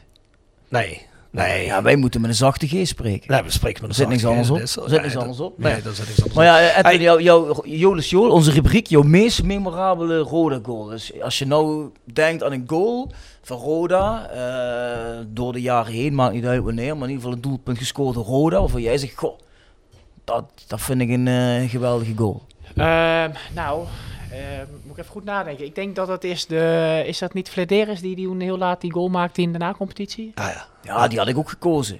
Ja. Ja. zeker als buitenstaan is dat natuurlijk een van de doelpunten die je dan Ja. het snelste bij, je, bij Ja. je binnenkomt, laat ik het zo zeggen. ja, nee, heel begrijpelijk. Ja, dat Ja. is natuurlijk een goal die ongeveer al acht keer gezegd is. Maar dat is niet erg. Maar het is ook echt Ed- een eh, Edwin, iconisch doelpunt. Dat safe. zeker. En Edwin is, krijgt, sowieso, eh, eh, krijgt er sowieso een ding in. Hè? Want die hebben niet, we, hebben, we zijn zelf schuld. We hebben het eh, zelf niet medegedeeld. Dus hij kon het ook niet verder rechercheren.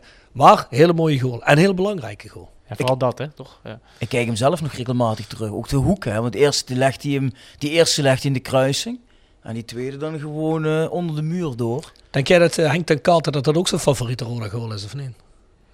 Ik denk het niet. Maar ik zou hem wel Henk, graag Henk was niet zo blij toen. Hè? Nee, maar je, je zag die, die gasten van eh Sparta, die stonden al hier in de gracht. Die wilden aan gaan feesten. Ja, die zag je echt zo, zo in ongeloof kijken van, kan niet waar zijn. Ja, ja op, de tribune, op de tribune ook alleen andersom. Dat, ah, dat was wel... eh, Ja, de- en, en die rode goal is voor mij ook iconisch, Etto. Want ik ben een keer eh, bij mijn vrouw, die zat met een aantal vriendinnen eh, thuis. Hadden die een of ander eh, feestje, ik veel. En ik kwam binnengelopen. En toen vroeg een van die vriendinnen van mijn vrouw, ja, wat is jouw mooiste moment uit jouw leven? En die hadden gedacht, en ik zei de geboorte van mijn eerste keer en mijn tweede. Toen zei ik, ja, toen Flederis die bal eh, erin schoot tegen... Ja, ja, mijn vrouw was echt boos op me. Ja... Was echt wel, hè? Ja. Nou, dat was wel een van de mooiste momenten van je leven, toch? ja, het was wel een, eh, het was wel een heel erg groot geluksmoment, ja. ja. Ja, een heel ander soort geluk, hè? Ja, dat is, is, is in ieder geval niet te vergelijken met 20 orgasmes tegelijkertijd. Nee. Het, eh, nee, Nee. laat ik het zo zeggen. Dat zijn toch wel eigenlijk de leuke momenten in het leven, hè, Maar jongens. dan weet je, Dus, eh, Edwin, als je ooit vragen, een groepje vrouwen, wat is je mooiste eh, moment in je leven, moet je niet zoiets zeggen. Nee, oké. dan een goede Gratis tip, tip, van je. gratis tip. gratis. Ja, ja, gratis tip. je stapt natuurlijk niet compleet met een schone lei in. Hè. Je begint met een selectie die natuurlijk niet door jouzelf of mede met- door jou is samengesteld. Je moet werken met een selectie die er al is. Hè. Ja, hoe ga je met zoiets om? Lijkt me vrij moeilijk als trainer. Want eh Rode zat op het moment dat jij instapte ook niet echt in een hele goede fase. Nee, dat klopt. Kijk, eerst kijk je natuurlijk ook eh, wat, eh, wat voor kwaliteit het elftal heeft. En hoe dat past bij jouw visie. Hè, wat je denkt als trainer, hoe je graag wil voetballen. Nou, daarin zaten best wel veel ja, overeenkomsten, vind ik. Hoe ik naar voetbal kijk en wat Roda in huis heeft. Maar het klopt dat, dat, dat de fase waarin Roda zat, dat natuurlijk... ja, dat, het, dat het zelfvertrouwen een beetje weg was bij, eh, bij de spelers. Eh, nou was ik wel het geluk dat ze bij Jong Ajax eh, resultaat haalden. Dus nou ja, na, na de wedstrijd van Os, wat ik begreep, dat was natuurlijk het Mhm. dieptepunt van, van Roda, van, zeker van, de, van dit jaar. Tegen tien man en bijna ja, geen kans creëren. Eh, ja, moet ik zeggen dat we in de wedstrijd na Ajax, dat ze heel goed vanuit de formatie gespeeld hebben en van daaruit eh, resultaat gehaald hebben. Ja, daar ga je dan op door eh, bouwen als trainer. En dat probeer je ook als, als startpunt te nemen. Van, je moet zorgen dat je organisatie goed staat en van daaruit ja, moet je zorgen dat je, dat je in je kwaliteit komt als, als, als speler, individu, maar ook als, als team. En ik zit heel erg in de, in de, aan de positieve kant van een speler, of de kwaliteiten van een speler. Van ja, je moet gewoon laten zien waar je goed in bent, want daardoor speel je op dit niveau. Kijk, en als jij, eh, ik noem maar even als creatieve buitenspeler, de bal elke keer eh kaatst en alleen maar terugspeelt, ja, daardoor ben je hier niet. Je bent juist hier ze- om, om juist die individuele acties te maken. En dat probeer je heel erg in trainingen eh, mee te geven in, in, in de beginperiode dat je hier zit. Het waren ook maar heel weinig trainingen die ik had, omdat het heel vaak eh, heel snel die wedstrijden natuurlijk Mhm. achter elkaar kwamen met Dordrecht, Zwolle, eh MVV. maar daar zit je vooral in in de eerste, eerste weken. Om, om, om, ja, dat ze vrij zijn in hun hoofd. Dat ze de acties weer durven te maken. En dat ze gewoon ja, fouten durven te maken. En er zijn nog genoeg dingen die ze, die ze moeten verbeteren. En die we als team beter kunnen gaan doen. Uh, maar ik zie wel weer een ploeg die, uh, uh, nou, vrijdag was dan iets minder, maar wel daarvoor een ploeg die durft en, en ook, ook uit achterstand terug kan knokken. dus dat zijn wel allemaal positieve ja, aanknopingspunten, vind ik als, tra als, trainer. Zeker als je begint bij een ploeg bent, waar je, waar je zeker op voort kan beduren. Ik neem even een vraag meer op van onze goede vriend Marcel Klomp-Arends uit Oostenrijk. Sluit daar een beetje op aan. Uh, hij zegt, uh, Edwin, welkom bij de Trots van het Zuiden. Na de beschamende nederlaag van afgelopen vrijdag, komen zo nog op terug, schoot mij de naam van Alex Plat door het hoofd. Volgens mij is die clubloos en gratis op te halen. Is dit uh, niet een type dat tussen de ideale schoonzone Roda dringend nodig heeft? Ja, ik heb erbij geschreven, ja, we hebben inmiddels Jesse Schuurman natuurlijk erbij, maar misschien uh, wil jij er nog even op reageren, op die vraag. Of Alex Plat geen welkome versterking voor Roda zou kunnen zijn als speler? Uh, nou ja, ik denk dat jij het antwoord toch geeft. Je kan zomaar trainer worden als ik dat, uh, als ik dat ja. zo hoor. Ja, kijk maar, Jurgen Streppel dacht van niet, maar jij wel, dus... Nee, bent, wij hebben... Jurgen Streppel zei letterlijk tegen hem, maar goed dat jij geen trainer bent. Ah, oké. Jij bent Dus, slimmer eh, dan Jurgen Streppel. maar, maar, maar ook daar had ik eigenlijk gelijk, want dat ging over Zian Emmers. Maar altijd als Zian Emmers in de basis stond, viel het wel mee. Maar altijd als Zian Emmers na een uurtje inviel, legde hij er binnen 10 minuten één of twee in. Toch? Ja, zeker. En nu zou het fantastisch zijn als we Zian Emmers nog zouden hebben. Ja, precies. Maar goed, Maar ga door. Nou goed, om even op jouw vraag antwoord inderdaad te geven. Ik vind wel dat wij, eh, nou ja, we hebben niet voor niks Je- een type Jesse Schuurman gehaald. Omdat ik vind dat het wel een speler is die, eh, ja, ze noemen dat dan een balansbewaker voor, voor je elftal. Die, die, die denkt meer verdedigend dan, eh, dan de andere middenvelders die wij, die wij hebben. Al ben ik er wel van overtuigd met de middenvelders die wij hebben, dat we het ook beter voor elkaar kunnen krijgen dan dat we tot nu toe hebben laten zien in het, in het echte verdedigen. Eh, en ook mag ik daar- heel even invallen? Ja. Hoe? hoe, hoe? Hoe? Nou, door dat trainbaar te maken. Eh, ehm, ik moet zeggen dat we heel veel voorbeelden geven waarin ze in ondertal overtal komen. En dan moet je wel duel spelen, dan moet je slim zijn. En ik probeer dat ook mee te geven aan, eh, aan de jongens die op die positie spelen. Dat, eh, ja, dat ze daarin af en toe wat gemener mogen zijn om het spel dood te maken. Maar overtraining op het juiste moment, zodat je niet in die, in die omschakeling in de counter eh, loopt. Want ja, 9 van de 10 keer wat we tot nu toe hebben meegemaakt, behalve op Zwolle na, denk ik dat wij meer de bal hebben gehad dan, dan de tegenpartij. Maar we zijn ju- juist kwetsbaar als we de bal verliezen. Nou, daarin moeten we zakelijker worden, mannelijker worden om, eh, om dat voor elkaar te krijgen. Dan zit dat wel in die jongens. Eh, nou ja, je kan het ook niet in één keer van 0 naar 100 gaan, maar je kan daar wel kleine stapjes in maken. En dat hoeft niet altijd door een hele gemene overtraining te maken, maar je kan ook gewoon het spel doodmaken of, eh, ja, of je moet sneller omschakelen, je moet sneller sprinten komen in je formatie, et cetera. Ja, en daar ligt heel erg het accent, ja, ook weer deze week, omdat ik vond dat dat ook tegen Helmond Sport, ja, de goal die we weggeven, daar, daar hik je eigenlijk de hele, de hele wedstrijd achteraan. Eh, terwijl we de eerste, het zijn maar 5, 6 minuten, maar je begint best wel aardig aan die wedstrijd, vind ik. Alleen ja, de eerste grote kans, tenminste de kans die je weggeeft, is gelijk een goal. Ja, en daarin moeten we veel zakelijker zijn. hè. We hebben een slordig balverlies, daarna kunnen we de voorzet eruit halen en we staan niet te dekken in de 16. Ja, dat zijn wel afspraken die we sinds de komst dat ik hier ben, eh, dat zijn principes die ik altijd terug wil laten komen bij mijn ploeg. Ja, die waren in- op dat moment even vergeten. Volgens mij, ehm, als je de wedstrijd na gaat lopen, dan hebben wij dit seizoen heel vaak ehm, binnen 10 minuten zijn we op achterstand gekomen. Hoe, hoe valt zoiets te verklaren dat je zo snel altijd achterkomt? Ja, eh, over de periode daarvoor, dat, dat, dat, heb ik te weinig inzicht eh, in gekregen. Eh, ik moet zeggen, tegen, ja, kijk, tegen Zwolle heb je, weet je dat je tegen een goede ploeg speelt die met veel beweging heeft. Maar ook daarin vind ik dat we, dat we delen van wedstrijden wat zakelijker moeten staan en echt de verantwoordelijkheid nemen van, eh, zeker in de laatste fase van het verdedigen, van, van, van je mannen pakken. Eh, ook tegen MV vond ik dat we goed begonnen. Alleen daarna kwam even een fase dat we een x aantal corners weggeven. Ja, en daarin vind ik ook dat ze te makkelijk die bal mogen, mogen inkoppen. En dan zijn we het heel even kwijt. Dan krijgen ze nog een kans om, eh, om nog een keer te scoren. Maar ik vind dat we ons daarna wel weer terugknokken in, in de wedstrijd. Dus op zich denk ik dat we daarin al best wel wat stapjes gemaakt hebben. Alleen, eh, ja, wat ik zeg, dat is nog wel iets wat we, wat we echt wel moeten verbeteren. Ik ga even naar ehm, Hen Broekhorst. En Hen die zegt, beste Edwin, ik heb de afgelopen weken genoten van de schwung die weer in het elftal zat. Ja, dat kan ik wel beamen. Maar afgelopen vrijdag was het helaas drie keer niets. Hopelijk kunnen we ons sneller pakken. Ja, dat was ook een, eh, een, een vraag voor mij. Van hoe is het mogelijk dat je tegen MVV, ehm, ja, naar mij niet verdiend wint. Hè? En dat je dan een, een, een week later eh, nul keer op doel schiet. Dat, contrast is zo groot. Hoe, hoe kan dat in godsnaam? Nee, dat, dat is ook heel groot. En ik heb ook gezegd eh, eh, naar de jongens toe dat ik vind dat we de lat hoger moeten leggen als team, ook als individu. En dat we hier abs- absoluut geen, geen genoegen mee moeten nemen. Want ik vond gewoon dat iedereen eh onder maat was. Iedereen was onder zijn niveau. Ja, dat kunnen we gewoon niet accepteren. En hoe dat kan, dat is soms ongrijpbaar. Als je ziet ook, eh, zeker in de MVV, je hebt eh, ja, Dordrecht eh, heb je resultaat, eh, Zwolle verlies je dan wel. Maar je eindigt wel positief, omdat je vindt dat je de tweede helft, zeker de laatste half uur, de druk op kan hebben. En als het helemaal mee zit, pak je misschien nog een punt. In de laatste twee kansen die we, die we krijgen. En dan knok je jezelf weer goed terug in de wedstrijd tegen MVV. Ja, en dan hoop je dat je dat een vervolg kan geven. En dan heb je in één keer een hele matige wedstrijd erbij, Helmond Sport uit. Eh, maar goed, we hebben de beelden bekeken en eh, we hebben ook duidelijk ja, aan de groep kunnen laten zien waar ik denk dat het aan ligt. Eh, en daar gaan we natuurlijk gelijk mee aan de slag. Maar ik vind wel dat, ja, wat, wat daar gezegd wordt, dat, daar ben ik het helemaal mee eens. Dat we als Roda zijnde daarin, ja, eh, daar absoluut niet tevreden mee mogen zijn. eh, met die Wat, ze- wat zeggen de jongens daar zelf over dan, bij zo'n eh, nabespreking? Hebben ze daar ook ideeën van, van wat er mis is gegaan? Ja, zeker. Ja, zeker hè. Kijk, je je kijkt natuurlijk twee kanten op. Hè. Eén, en dus zeg maar de goal die je weggeeft, hoe we, hoe we daar staan te verdedigen, ja, is gewoon niet goed. Maar aan de andere kant, waar ik me ook zorgen om maakte, zeker naar vrijdag toe. En dat was eigenlijk de eerste keer echt dat ik dat meemaak met, met deze groep, is dat er tot geen kansen komen. Ja, en daarin heb ik een groep laten zien van ja, we gaan in, in een bepaalde afspraken met elkaar maken, vastigheden creëren.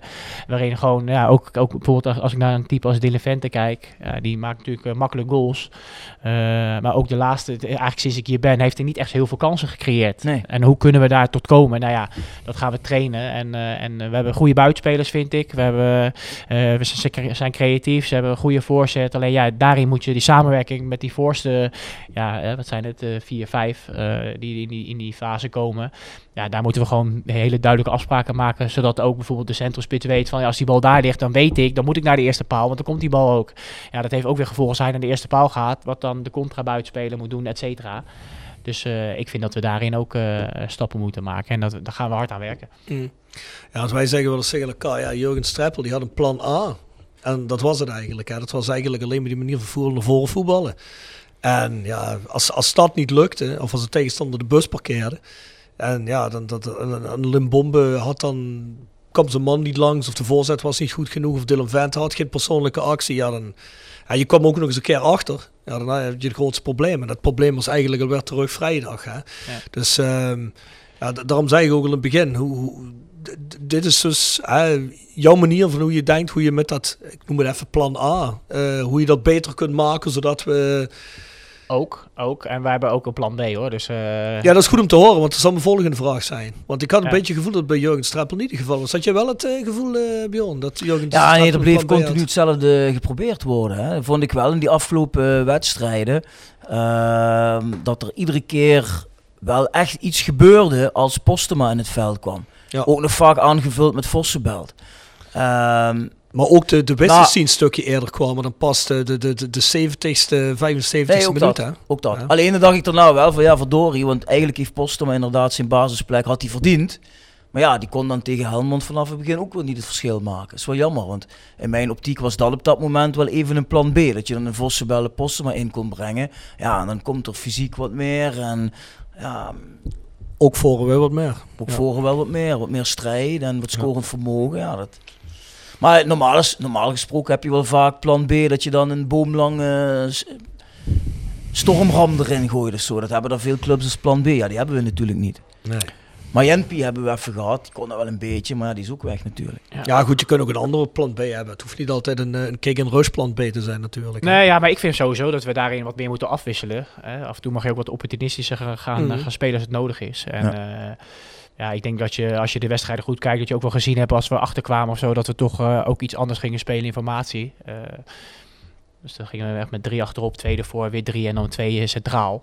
En dat je daarin best wel wat ging creëren met elkaar. En eh, bijvoorbeeld die kans van Mempi die die dan eh, tegen, tegen Zwolle Ja, nog eh, precies. bijna binnenkomt. Ja, dat is ook een vervolg van een plan B wat je op Ja. dat moment dan probeert uit te voeren. En dat lukt niet altijd. Hè, wat jij zegt, de wissels in de eerste paar wedstrijden, die pakten gelukkig ook goed uit. Hè. Dat is natuurlijk ook ja, de reden als trainer waarom je die wissels ook toepast. En dan hoop je ook dat dat gebeurt. En, en dat gebeurt dan ook. En tegen Helmond, ja, daar kijk ik ook kritisch naar mezelf. Ja, die, de, de wissels die we daar toepasten, die brachten niet het gewenste resultaat nog wat, wat we die andere wedstrijden wel hadden.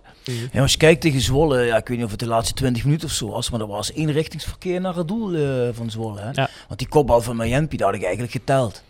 Ik denk, die zit. Ja, Ja. die pakt de keeper goed, zeker. Ja, en het is ook puur op eigen kwaliteit. Hè. Het is niet zo eh, dat eh, het Zwolle op de ene... Ik had niet het gevoel dat Zwolle de, de, de, de, de voet van het gas haalde of eh, de beste spelers uitgewisseld had. Ik vond echt dat we heel goed waren in voetbal op dat Ja, moment. maar ik vond ook omdat je... eh, kijk, je bent ook veel aan de bal. Maar je staat ook als ploeg zijn, dan sta je ook vrij hoog. Dus als ze de bal verliezen, kan je ook gelijk, gelijk ja, er bovenop zitten en gelijk druk zetten. Gelijk duel spelen. En dan komen ook jongens die dat misschien niet zo goed kunnen of hè, daar beter in moeten worden. Die staan dan al wat hoger en die staan dan wat korter op hun directe tegenstanders. Daarin ja, ben je eigenlijk al verplicht om, om die duels te spelen. En als die ruimtes juist te groot zijn, ja, dan komen onze zwaktes. Want dan kom je grote ruimtes te verdedigen en dan moet je grote afstanden overbruggen. En dat hadden we die eerste paar wedstrijden hadden we dat beter voor elkaar dan tegen Helmond. Ja, nu, nu is eh, Edwin Halfkerkrade kwijt. Hè? Met als Ja. hij begint te praten over ruimtes verdedigen. Dan haakt de helft af, ja. Maar goed, ik wil wel zeggen, kijk, dat oogt dan niet altijd zo. Maar ik vind wel, ook tegen Helmond vond ik dat. Kijk, de jongens proberen er wel alles aan te doen om, om, om resultaat te halen. En de ene week is dat beter dan de andere week. En tegen Helmond, wat je zegt, Ja, we creëren geen kans. Maar ik kan niet zeggen dat de jongens niet hard gewerkt hebben. Dus dat is het ook niet, weet je. Nee, nee, maar ik heb het hele seizoen al niet het gevoel dat jongens niet hard werken op de een of andere manier. Hè. Er wordt wel eens, ik hoor wel eens eh, dingen van oh, eh, lamzakken, maar dat, dat, dat gevoel heb ik al de hele tijd nee, niet. dat niet. Het, het, Nee. het zit volgens mij gewoon puur in de tactische en de, tactisch, eh, de tactische omzetting van een plan. Of dat, het, ja, dat je of als spelers gewoon niet beter kunt op dat moment. Maar ik heb vooral de laatste, ja, voordat we nu dat reeks hadden wat goed ging, had ik eigenlijk het gevoel dat jij al zegt toen je binnenkwam, eh, dat het tussen de oren zat. Hè? In, in hoeverre is dat weg nu? Heb jij het gevoel? Nou ja, ik, kijk, we, we zijn natuurlijk na Helmond zijn we weer gaan trainen. Ik moet zeggen, als ik vandaag weer de training zie, dan, dan vind ik dat de vonken ervan afvliegen. En eh, ja, ze merken natuurlijk ook wel dat de concurrentie daar is. Dus je krijgt natuurlijk sowieso al, hè, het is alleen maar goed als je een brede, fitte groep hebt, zodat ze weten dat ze het moeten laten zien. Eh nou hebben ze natuurlijk afgelopen vrijdag ook nog niet eh, echt, echt goed gespeeld. Dus dan ja, voelt die concurrentie natuurlijk ook van, hey, ik krijg wel kans misschien wel om, om het te laten zien. Dus ja, daarin heb ik echt niks te klagen over. En hoe het vertrouwen, ja, dat moet straks zondag blijken tegen de graafschap. Want dat is natuurlijk het meetmoment dat je het echt kan zien. Ja, je kan door de week eh, de pannen van het dak trainen. Maar uiteindelijk gaat het erom dat je, dat je het in de wedstrijden laat zien. Dus dat kunnen we pas zondag beoordelen. Maar ja, mijn gevoel ook daarin is dat ik vind dat we erheen moeten gaan. En gewoon eh, ja, vol voor die overwinning moeten, moeten spelen. En eh, ja, dat vind ik als rode zijn als je in de KKD speelt en de kwaliteiten die wij hebben. Ja, ben je tegen geen één tegenstander ben je, ben je, ben je kansloos. En er valt altijd wat te halen of het nou uit of thuis is. Alleen je moet wel met lef, durf en veel energie en duels. Ja, je moet wel alles geven om, om dat te, te bereiken. Want hebben jullie gezien wat eh, Jurgen Streppel na afloop van de wedstrijd eh, voor commentaar gaf? Nee. We hadden het er van tevoren over. Nou, hij zei dus van, eh, ja, als ehm no- normaliter zei hij, is Roda met de huidige selectie eigenlijk drie klassen beter dan Helmond. Maar ja, er is ook nog zoiets als mentale weerbaarheid, zei hij. Nou, afgezien van het feit dat hij die jongens natuurlijk allemaal gehaald heeft. Een lekkere trap na, hè? Nou ja, ik weet niet of het de trap na is, maar ja, hij, hij zegt dus eigenlijk, min of meer zegt hij dus van ja, Roda kan niet meer terugkomen vanwege zijn gebrek aan mentale weerbaarheid. Ja, maar ja, dat, is eigenlijk wat hij zegt. Ja, maar eh, dat, dat zeg je dan toch eigenlijk tegen een spelersgroep indirect. Dat is niet netjes, vind ik, als je net tussentijds vertrokken bent. En je hebt de selectie samengesteld. Ja, dat, zo zou je er naar kunnen kijken. Ik vond het vooral opvallend dat ik dan denk van ja, jij hebt eigenlijk al die jongens gehaald. En nu zeg je ja, ze zijn mentaal niet weerbaar genoeg. Dus indirect disqualificeer je ook je eigen Ja, nee, dat ook hoe je TD-schap hebt ingevuld. Ja. Maar los daarvan, dat maakt verder niet uit, maar dat mentale weerbaarheid aspect, ja, dat is eigenlijk wat jij ook net een beetje zegt. Van, en misschien zit het wel wat meer tussen de oren dan, eh, dan wat anders. Ja, want ik, ik heb ook wedstrijden gezien hier, VVV thuis bijvoorbeeld. Dat was misschien wel de beste wedstrijd van het hele seizoen. Mm. Dan wals je gewoon met wat, 4-1 of zo, wals je er overheen. En dat was ook echt, die walste er ook eigenlijk overheen. Die had ook geen schijn van kans. En dat is toch niet het slechtspelende team in de KKD Nee, op het moment.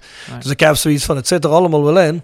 Alleen, er zijn volgens mij te veel jongens als die, eh, die, die net allemaal hun, hun, hun ja, moet het zeggen, die, die, die net niet genoeg kunnen aantikken hè, op het veld, dat ze, zodat, je, zodat je consequent de hele tijd structureel omgezet krijgen. Dat is een beetje jammer natuurlijk. Ja. Want dan kan jij als trainer kan er natuurlijk weinig aan doen. Hè? Kijk, en ook als een keer een bal, als Dylan Venten een bal heeft en hij schiet hem, schiet hem op de paal of hij gaat net, al, gaat, gaat net aan de linkerkant langs de paal in plaats van de rechterpaal. Ja, dan kun je elke tactiek van de wereld op bedenken. Dat daar heb je geen invloed op natuurlijk. Nee. Ja, maar ik denk ook dat Jurgen moet doen dat je... eh, kijk, als het even niet mee zit, of eh, dat het even tegen zit als ploeg zijn, hoe kan je daarin eh, toch zorgen dat je zelf terug in die wedstrijd eh, knokt. En je ziet dat heel veel ploegen natuurlijk eh, tegen dat soort tegenstanders, als ze eenmaal achter bijvoorbeeld komen, dat het, ja, de ploegen best wel moeilijk hebben om daarin nog een resultaat te halen. Eh, maar goed, daarin, wat, dat is ook iets wat ik benoem, zeg maar, dat we daarin wat volwassener moeten worden. Dat we ja, gewoon, ja, gewoon moeten doen wat we afspreken en niet laten leiden door, hè, Helmond deed het natuurlijk hartstikke slim. Ze stonden 1-0 voor, ze gingen een beetje vertragen. Nou, er zijn natuurlijk, zitten ook wel wat ervaren jongens in, dus ze waren af en toe een beetje irritant. Maar ja, dat is allemaal geoorloofd om resultaat te halen. En daar moeten wij beter mee omgaan, vind ik. Dus ik denk dat Jurgen meer in die strekking zat dan dat hij eh, bedoelt dat, we dat we mentaal zwak zijn of zo. Ja. Dat is de interpretatie van het bal. Ja. Ik ga even naar Marco Romkens. Ehm, die wil graag van Edwin weten wat jouw manier is, Edwin, om een ploeg wakker te schudden tijdens een wedstrijd. Wat voor instrumenten heb je dan überhaupt om dat te doen tijdens een wedstrijd? Nou ja, ik ben zelf natuurlijk eh, langs de lijn te vinden om te, om te nou ja, proberen de jongens te bereiken. Dat is natuurlijk altijd niet altijd even makkelijk. Ligt ook aan waar je speelt. Maar zeker de jongens die dicht bij me zijn, die kan ik natuurlijk wel eh, instrueren. En je hebt natuurlijk je, ja, je, gewoon je afspraken die je met die jongens maakt en daar hou je ze gewoon aan. En ik denk dat ik de afgelopen periode ook tijdens, nou ja, vooral de rustmomenten, eh, daarin eh, goed gebruik heb kunnen maken van, om duidelijk te maken wat ik wil en, wat ik van de, van de spelers verwacht. Ook als het niet goed gaat. Ik heb ook een keer, eh, nou ja, iets minder vrolijk in de, in de rust moeten optreden. Omdat ik vind dat we, nou ja, dan vond ik dat we te, te slap speelden eigenlijk. En dan kan je ook wat omzettingen doen. En, eh, nou ja, en dan hoop je dat ze dat eh, oppakken. Maar je bent gedurende de hele week ben je natuurlijk al bezig met je Mhm. plan richting de komende tegenstander en je eigen ja, ontwikkeling als team. Dus, eh, dus ja, dat is eigenlijk wat, wat je de hele week al trainbaar maakt. Alleen ja, wat ik al zeg, op de, op de wedstrijddagen moet je, het, moet je het laten zien. Ja. En dat probeer je dan nou ja, de jongens daar bewust van te maken. En af en toe nou ja, langs de kant dat te corrigeren of in de rust. Maar ja, meestal is het plan wel redelijk helder, eh, denk ik, naar de spelers toe wat, eh, ja, wat, wat we willen. Rob, Ja. eh, nee, zeg maar. Nee, ja, ik vraag me altijd af hè, in hoeverre je als trainer eigenlijk nog invloed hebt, behalve tactisch gezien. Kijk, als je een tactische omzetting doet, dat is wat anders. Maar hoe, hoeveel invloed je, invloed je er eigenlijk nog hebt op het mentale? Heb jij toevallig die, die Arsenal documentaire gezien op, eh, op Amazon, eh, Amazon Prime? Ik heb geen eh, Amazon Prime. Nee? Heb, ken, ken jij die hebben? Ja, ik heb er een gedeelte gekeken. Ja, ga- ja, precies. Ja. Want daar hebben ze het wel eens over die. daar, daar werd hij wel eens voor bekritiseerd. Hè, hoorde ik zo hier en daar. Van ja, die, die toespraken. Ja, mm, eh, allemaal niet zo denderend, dit en dat. Maar ja, ik vraag me altijd af. Ja, hoe, hoe bereik je nou ook echt wel mensen? En hoe doe je dat dan? Want ik heb ook wel die, eh, die documentaire gezien over City. Hè? Dan, eh, dan heb je Pep Guardiola, die doet het wel op een andere manier. Dan heb je Jurgen Klopp, die doet het ook wel op een andere Ja. manier. Zie je behind, the, hè? Ah, behind the scenes footage. Als ik nog een tip mag geven, dan moet je ook van uh, Simeone kijken. Ja, die heb ik ook gezien. Ja. Die op dan? Ja. Die is ook op Prime, toch? Ja. ja. Ah, die vind ik geweldig, Simeon. Ah, die heet wel gewoon Simeone, heet die, hè? Ja. volgens mij. eh, Ja. die, is, die is heel goed. Hè? Dat, eh dat komt ook je- zijn zoons in voor. Hè? Die, eh, Nou, je hebt een beeld van hem natuurlijk ook hoe hij naast het veld staat. Maar als je dan die documentaire ziet, dan zie je ook een heel andere kant van hem. Ja. ja, Ja. precies. Maar ik vraag me altijd, en precies, hè, die, die, die, die mannen hebben allemaal een eigen stijl van hoe ze dat doen. Maar ik denk dan altijd, ja, hoe bereik je dan iemand? Want ik kan me voorstellen dat ik in zo'n kleedkamer zit. Hè, en als ik dan lekker tussen, niet lekker tussen mijn oren zit. En jij vertelt me een heel verhaal. Dan denk ik van, ja, Edwin, eh, Ja, dat is leuk, dat begrijp ik allemaal wel. En, eh, je, ja, maar eh, ik- ja, ik, ik vraag me altijd, ga ik me dan ook anders voelen? En dat, dat, heb je, dat, dat, kan je natuurlijk ook niet beantwoorden, want jij bent de andere kant niet. Maar heb je soms het gevoel dat je wel de spelers ook echt bereikt en dat je daar een manier voor hebt? Want, maar dat is eigenlijk meer een algemene vraag die ik elke trainer zou willen stellen. Nee, maar dit- dit- dat is ook wel lastig in die zin dat je elke speler reageert natuurlijk anders op jouw Mhm. eh, verhaal. Dus de ene pak je, pak je individueel even apart eh, onder vier ogen. En de, en de andere weet je, die kan ik even aanpakken juist in de groep om ook een statement te maken of om, om iets duidelijk te maken. Eh, dus daarin, ja, eh, is de pe- periode dat ik hier zit is, is kort nog om eh, echt iedereen helemaal al te weten hoe iedereen reageert op elke situatie. Maar goed, ik heb al heel veel gesprekken gevoerd met spelers. En ook hierin weet ik wel al welke spelers ehm, nou ja, daar meer moeite mee hebben dan, dan andere spelers. En die pak je dan op een andere manier, omdat je wel wil dat ze juist zichzelf verbeteren en, en, en niet denken van dat ze blokkeren of zo. Dus je Mm. moet wel zorgen dat je daarin ja, de juiste snaar raakt. En dat, dat lukt niet altijd. Dat lukt niet altijd, maar dat probeer je natuurlijk wel. En de ene heeft een hardere hand nodig dan eh, en de andere die, eh, die kan je misschien een keer wat toefluisteren of eh, op een andere manier coachen. Maar ik, ik, ik wil wel, ik, ik probeer, laat ik het zo zeggen, om de ploeg wel zo naar buiten te krijgen dat ze zich in ieder geval vrij voelen. Om wel gewoon ja, eh, fouten te durven maken. Want als, als je dat niet hebt, ja. dan, eh, dan, dan ga je juist op, met de handrem erop spelen.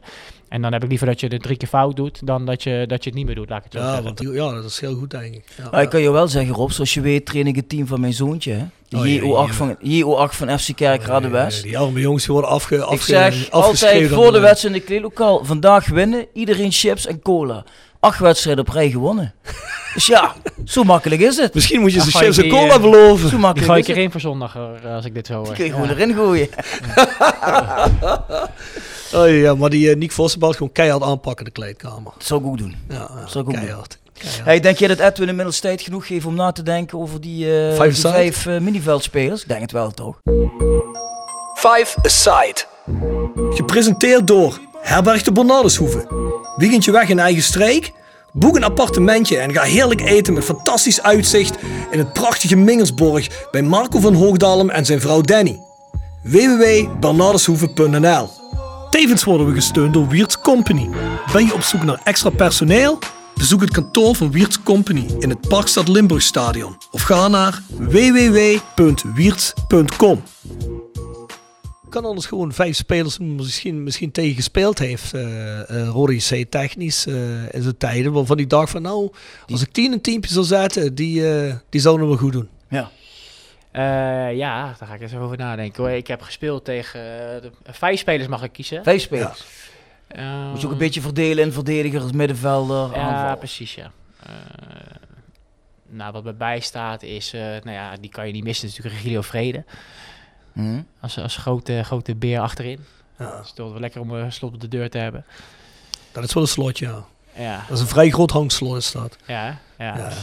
Ehm, ja, ik, kan, ik moet zeggen, mijn oud eh, collega Fons Groenendijk moet er sowieso in. Met het Mhm. linkerpootje van hem. Eh, die heeft denk ik een paar aardige doelpunten ook gemaakt Ja. voor de, voor de Super. Roda tijd. Hij was Van super speler. Ja. Ja. Ja, dus daar heb ik er al twee, hè.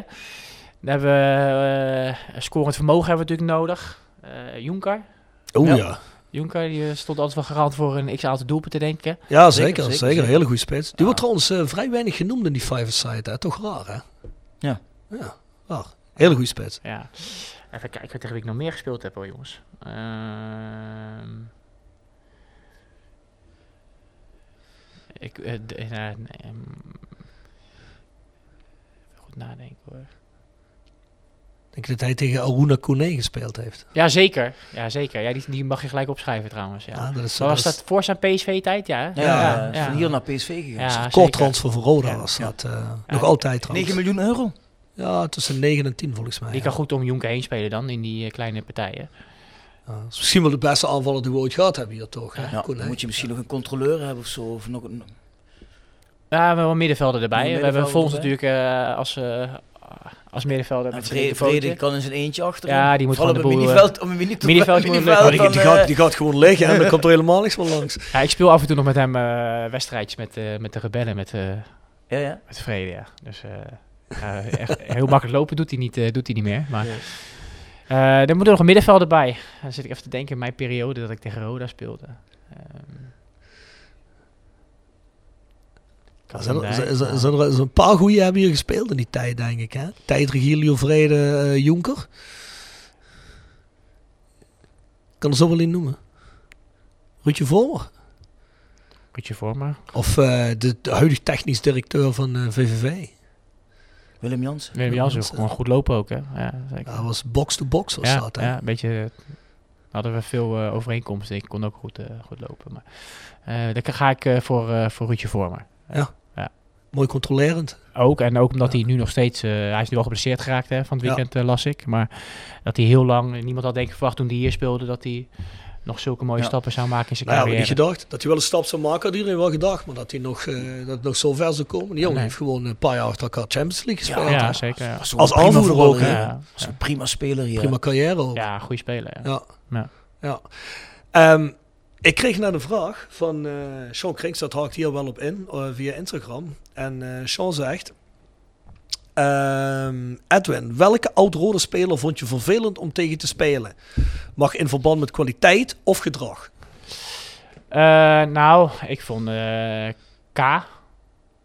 Centrale verdediger kwam ik af en toe wel eens tegen als ik, als ik diep ging. Die was, kon wel gemeen zijn. En qua gedrag, ja, daar staat er niet echt iemand mij bij dat ik dacht van, oh, oh. want Ik vond het altijd ook wel lekker om een beetje, een beetje te ouwehoeren en uitgedaagd te worden in wedstrijden. Daar hield ik altijd wel een beetje van. Dus eh, nee, dat, eh, Maar in welke, welke jaren hebben we het over dat jij actief tegen Roda gespeeld hebt? ja, dat is vanaf het jaar 2004, denk ik. Tot en met 2012. Dus ja, in die jaren Ja, heb ik tegen Roda ja, de laatste ja. topjaren van ons. Ah, ja. Ja, ze waren net naar dit stadion gegaan in ieder geval. Dus dat was niet meer in de Kaalheide. Dat heb, ik, dat heb ik niet meegemaakt. Dat was natuurlijk helemaal... 2000 zaten we hier vanaf 2000. ja, dat, dat was helemaal een goed team natuurlijk voor Roda begrippen. Met eh Ja. Johan de Kok, Attenveld, De Leur en Precies, al die gasten. precies, daar zat ik aan te Eh, denken. ja. Maar die heb je en dus niet, eh, heb je niet tegen gespeeld. Nee, Sonkaya en dat soort jongens, daar heb ik tegen gespeeld. Ja, Ja. Gregor van Dijk natuurlijk. Ja, zeker. Ja, ja. Fatih. Ja, die is hier jeugdtrainer trouwens. Oké, ja, ja, ja, ja. Ja. Ja. Dus Dus, eh, ja. Ja, daar heb je ook nog gespeeld tegen, tegen een van je assistenten, toch? Tegen Roel Brouwers, denk ik. ja, zeker. Zeker, ja. Die, eh, maar toen was hij volgens mij wel Als jong talent? Ja, Ja, vrij ja. jong achter de... Ja, maar dingen toch ook Edwin Linsen. Ja, ook. Die heeft in die play-off tegen Cambuur gespeeld uit 2008. Ja, je had toen Zende, Luipers, weet je, de ervaren mannen toen in de tijd. Dus, eh en, en Niegaard heeft hij ook nog hier gespeeld, en niet Niegaard, hè? Hij was ook een goede speler in die tijd. Ja. Ja, Roda toen altijd wel een goede ploeg ook. In die klassieke kappa-shirts nog. Ja, Ik kan ja. me nog herinneren, dat, eh, dat was mooi. Ja. Ja. ja, mooie tijden. Die, eh, ja, iedereen verwacht wel dat jij die gaat laten herleven, Edwin. Dus eh, We gaan er doe alles je aan best. doen. We gaan er alles aan doen. Edwin, waar gaan we dit seizoen eindigen? Eh, nou, eh, de doelstelling is natuurlijk het halen van de, van de play-offs. Ja. En eh, ja, of we dan eh, achtste of zesde, of, eh, dat maakt niet zoveel uit. We moeten er alles aan doen om, eh, om, dat, te kunnen, om dat te halen. En is- ik weet ook wel dat er nog eh, veertien ploegen zijn die dat, eh, die dat graag willen. Alleen, eh, ja, ik ben wel zo eigenwijs als trainer dat ik denk dat we dat voor elkaar gaan krijgen met deze groep. Hm. V- Vind jij dat jouw half jaar eh, hier mislukt is als je dat niet haalt? Poeh, nou, dat ligt er ook een beetje aan wat er... eh, of wat is die lat te hoog? Nou ja, eh, mislukt is misschien een groot woord. Het ligt er ook aan wat de komende periode allemaal gaat gebeuren. Hè? Maar ik denk als wij eh, ja, de, de, de stappen maken die ik voor ogen heb met deze groep. En dat iedereen fit blijft, dat we een hele grote kans maken om het te halen. En je hebt veel concurrentie, dat weet ik. Met de ploegen die ook eh, onder ons eh, in de nek hijgen. Met, de, met een ADO, met een NAC, die, die een goede fase zijn. Maar goed, ik vind dat wij gewoon een goede ploeg hebben. En eh, ja, ik vind dat we dat gewoon eh, niet naar andere ploegen moeten kijken, maar dat we gewoon zelf moeten afdwingen. wij, vinden het, wij vinden het toch zelf ook wel dat we met die kwaliteiten zeker de play-offs moeten kunnen Ah, halen. zeker. zeker. En ik heb eigenlijk het gevoel dat wel eigenlijk 80% van het huidige seizoen tot nu toe eigenlijk onder ons kunnen zijn en presteren. Dus ik heb het gevoel als wij gewoon iets meer naar ons kunnen gaan presteren, zoals bijvoorbeeld zo'n tweede helft tegen Zwolle, eh, een aantal andere wedstrijden die gespeeld zijn, waarvan Roda een, een fatsoenlijk niveau aantikt, VVV thuis. eh, MVV tweede helft. MV tweede helft, dan, ja, dan heb ik zoiets van, ja, dan moet dat toch eigenlijk helemaal geen probleem zijn. Dus, eh, Je moet en het bizarre, stru- Je moet het alleen structureler zien vast te houden. Ja, dat is het ook. Ja. en het bizarre is, als je afgelopen vrijdag wint, heb je 37 punten, sta je gewoon maar twee punten van de vierde plek af. Maar daarom is het zo zonde. Ja, precies. Dat Ja. is er eigenlijk en, helemaal en, niks aan en het de handje. periode, hè? Stond ook nog vrij hoog in de periode anders. Ja. Nou, dat staat Den Haag nu eh, volgens mij tweede of eerste. Ja, Ja. zou kunnen. Maar, Verdomme, die advocaat zal toch niet een periode gaan halen en eh, onder ons eindigen. Dan is die, eh, is die achtste plek ook, is die negende plek ook. Nee, die achtste plek helemaal niks meer waard, hè. Daar moeten we wel, eh ja, je- moeten we wel echt gas op, hè, Edwin? maar dat, ik zeg, je hebt het ook zelf in de hand. Hè? Je moet gewoon zorgen dat je je eigen wedstrijden wint. Dan hoef je helemaal Ja. niet naar die ploegen te kijken. Nee, Ja. nee. Nee, ja, dat moet wel. Want we zijn, we zijn er nu al buiten gevallen, hè. Telstar eh, is er overheen, hè, of Ja. niet? Gisteren Telstar gewonnen, dus eh, Ja. die staan boven ons. Ben je wel nerveus dat dat nog gaat lukken? Want we, ja, de, de onderste ploegen zijn eh, pu- punten tegen het bloeden een beetje, hè. Dus, eh, Eh, nerveus of we het gaan halen, ja of nee? Ja. je? Nee, ja, ik zeg ook als we gewoon eh, doen wat we, eh, wat we trainen en wat we, wat we goed kunnen, dan ben ik daar niet, dan ben ik overtuigd dat we genoeg kwaliteit Ja. hebben. Weet je wat wel goed is, Bjorn? Hij heeft een half jaar contract, hè. En als hij natuurlijk de play-offs haalt, hè, dan heeft hij sowieso goed gepresteerd. Dat is alles één. Als je dadelijk nog een ronde verder komt, ja, je bent ook eigenlijk je eigen contractverlenging min of meer aan het verdienen, vermoed ik, hè. Ja, maar dat, dat, ja, je bent sowieso ben je elke dag bezig om het beste eruit te halen. En, eh, Nee, natuurlijk. Maar als jij nou een driejarig contract had ondertekend, ja goed, dan als je dan de play-offs niet haalt, dan zit je dan niet en denkt van, fuck, eh, eh, zit ik hier volgend, zit ik hier volgend seizoen nog of niet? Ik bedoel dat dat een extra drive is. Ja, een extra drive, extra meer een make or break, extra van, eh, kom op man. Ja, maar ik heb sowieso dat ik altijd het maximale wil, eh, wil halen en bereiken. Dus dat is in die zin niet een extra drive. Maar ik snap wel wat je bedoelt. Het is natuurlijk wel lekker als je, nou ja, als je, als je, ja, als je dat haalt natuurlijk. Maar eh, ja, ik heb die drive niet nodig om, eh, om te, het maximale uit de groep te halen. Ja, correct, dus correct antwoord dit. Ja, Ja, ja, ja, ja, dat is natuurlijk ook nog maar de vraag. Kijk, zeg voor Edwin doet het heel goed. De club zegt, je kunt twee jaar bijtekenen. Dan rijdt Edwin naar Zoetermeer. En dan gaat hij naar mevrouw de Graaf. Zegt hij zo, twee jaar. En zegt hij van, ja nee, dan ga ik niet wonen. Ja, want dat is ook eens gebeurd Want hier. dan hè? moet de vrouw mee, hè? Dan moet Want- de vrouw toch mee, denk ik. Want Erik Valkenburg bijvoorbeeld, die jij net Ja. noemde, die zei van ja, ik zou hier best bij willen tekenen, maar eh, mijn vrouwtje wil dat niet. Nee, maar daar vinden wij thuis zeker een oplossing voor. Dus eh, dat komt helemaal goed. Ah, ja, dat, eh, kijk, dan ga je gewoon, eh, dan moet je zoals Kees Luijs doen. Dan moet je niet zeggen, ik wil niet in een bungalowpark zitten, ik wil in het Heuvelland zitten op het leuke, in een leuk huisje. Die vond het fantastisch. Sleenaken zat hij, hè? Ja, die zei, ik hoef hier, helemaal, ik hoef hier helemaal niet weg. Nee, maar kijk, ik heb nu ook gezegd, kijk, eh, ik wil gewoon een half jaar eh, wil ik presteren. En, eh, en als ja, wat daaruit voortvloeit, dan eh, gaan we wel zien. En als ik dan eh, ja, eventueel zou verlengen, dan zoek ik een mooi plekje op waar ik me lekker thuis voel. En dan gaan we die periode dat ik verleng, gaan we proberen te knallen. Maar laten we eerst maar op korte termijn zorgen dat we presteren en, eh, en de play-offs halen. Hij zou een eh, afsluitende rubriek doen met eh, Edwin. Stichtpunt Sterke Stories. Gepresenteerd door, Stichtpunt Tattoo Kerkrade. tevens gesteund door Van Ooyen Glashandel. Sinds 1937 vervangen en repareren wij al uw glas met veel passie en toewijding. Met 24 uur service. www.vanooyen.com En Quick Consulting. Laat finance waarde toevoegen aan je organisatie. We komen graag met je in gesprek om aan de hand van concrete voorbeelden duidelijk te maken hoe we dit ook binnen jouw onderneming kunnen realiseren. Think win-win, think quick. www.quickconsulting.nl Tevens gesteund door Roda Arctic Front. Horen. We hebben nog stichtpunt sterke stories. Heb jij een sterk verhaal uit je carrière om, eh, om af te sluiten? Je bent natuurlijk ook voetballer geweest. Er is vast wel eens een sterk verhaal langsgekomen van jij zei, nou dit eh Dat is bijna te vies om te vertellen. Te vies zo. te vies. Ja, je, je weet... Het eh, hoeft niet vies te Wie had zijn. dat verhaal over streepje? Wie was dat ook alweer? Oh, dat was Nick Vossenbel dat natuurlijk. was ook niet... Ja, die had een heel vies verhaal natuurlijk. maar het mag ook een ander soort verhaal zijn. Hoor, Je had die vraag even van tevoren moeten, daar had ik er even Ja, maar nagedacht. weet ik Ja, ja, wel, ik weet het, ik weet het. Als ik het regel, dan Ja. informeer ik de gasten eerst, maar Ja. hij eh, Ja. Ah, sorry. heeft dat wel niet gedaan. Sorry, sorry, Eh, sorry. Niels Reuzeler had bijvoorbeeld een verhaal over, over de hele technische staf waar die voetbalde in, eh wat was dat ook alweer? In Chemnitz. In Duitsland. Die, eh, die eh, bezopen- straal bezopen in de Straal bus bezopen de bus zat elk weekend. Nee, ik weet nog wel, want misschien een verhaal wat misschien wel ja, leuk is om te vertellen, is dat we, toen ik speler was bij RBC, toen was Robert Maaskant was, eh, was onze trainer. En dan weet ik wel, we speelden toen in die periode speelden we eh, voor de bovenste plekken, want we speelden het eerste jaar dat ik daar was, speelden we KKD. Mm. Heette toen nog eh, Eerste Divisie volgens mij gewoon Mm. nog. Ja, ja. Ehm, en toen speelden we in één week tijd speelden we tegen Zwolle, eh, AZ voor de beker en Excelsior. Nee, andersom. Ik, ik zeg het niet goed. Excelsior, AZ en, eh, en Zwolle. En eh, Excelsior en Zwolle waren de topploegen in de, in de eerste divisie. En AZ speelde de eredivisie. En die speelden we thuis voor de beker.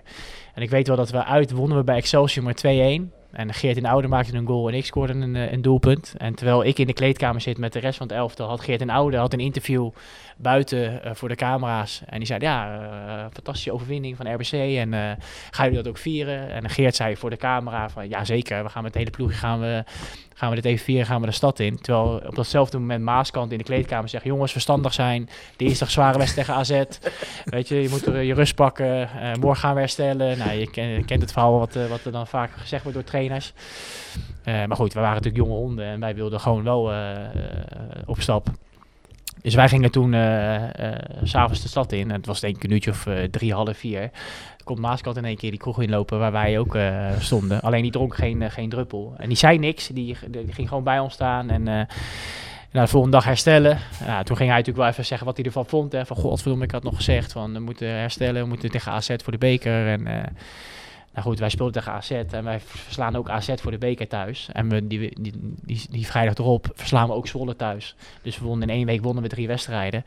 Ja, toen kwam Maaska natuurlijk na, na Zwolle. kwam die de kleedkamer van, eh joh mannen, we gaan, eh, we gaan heen.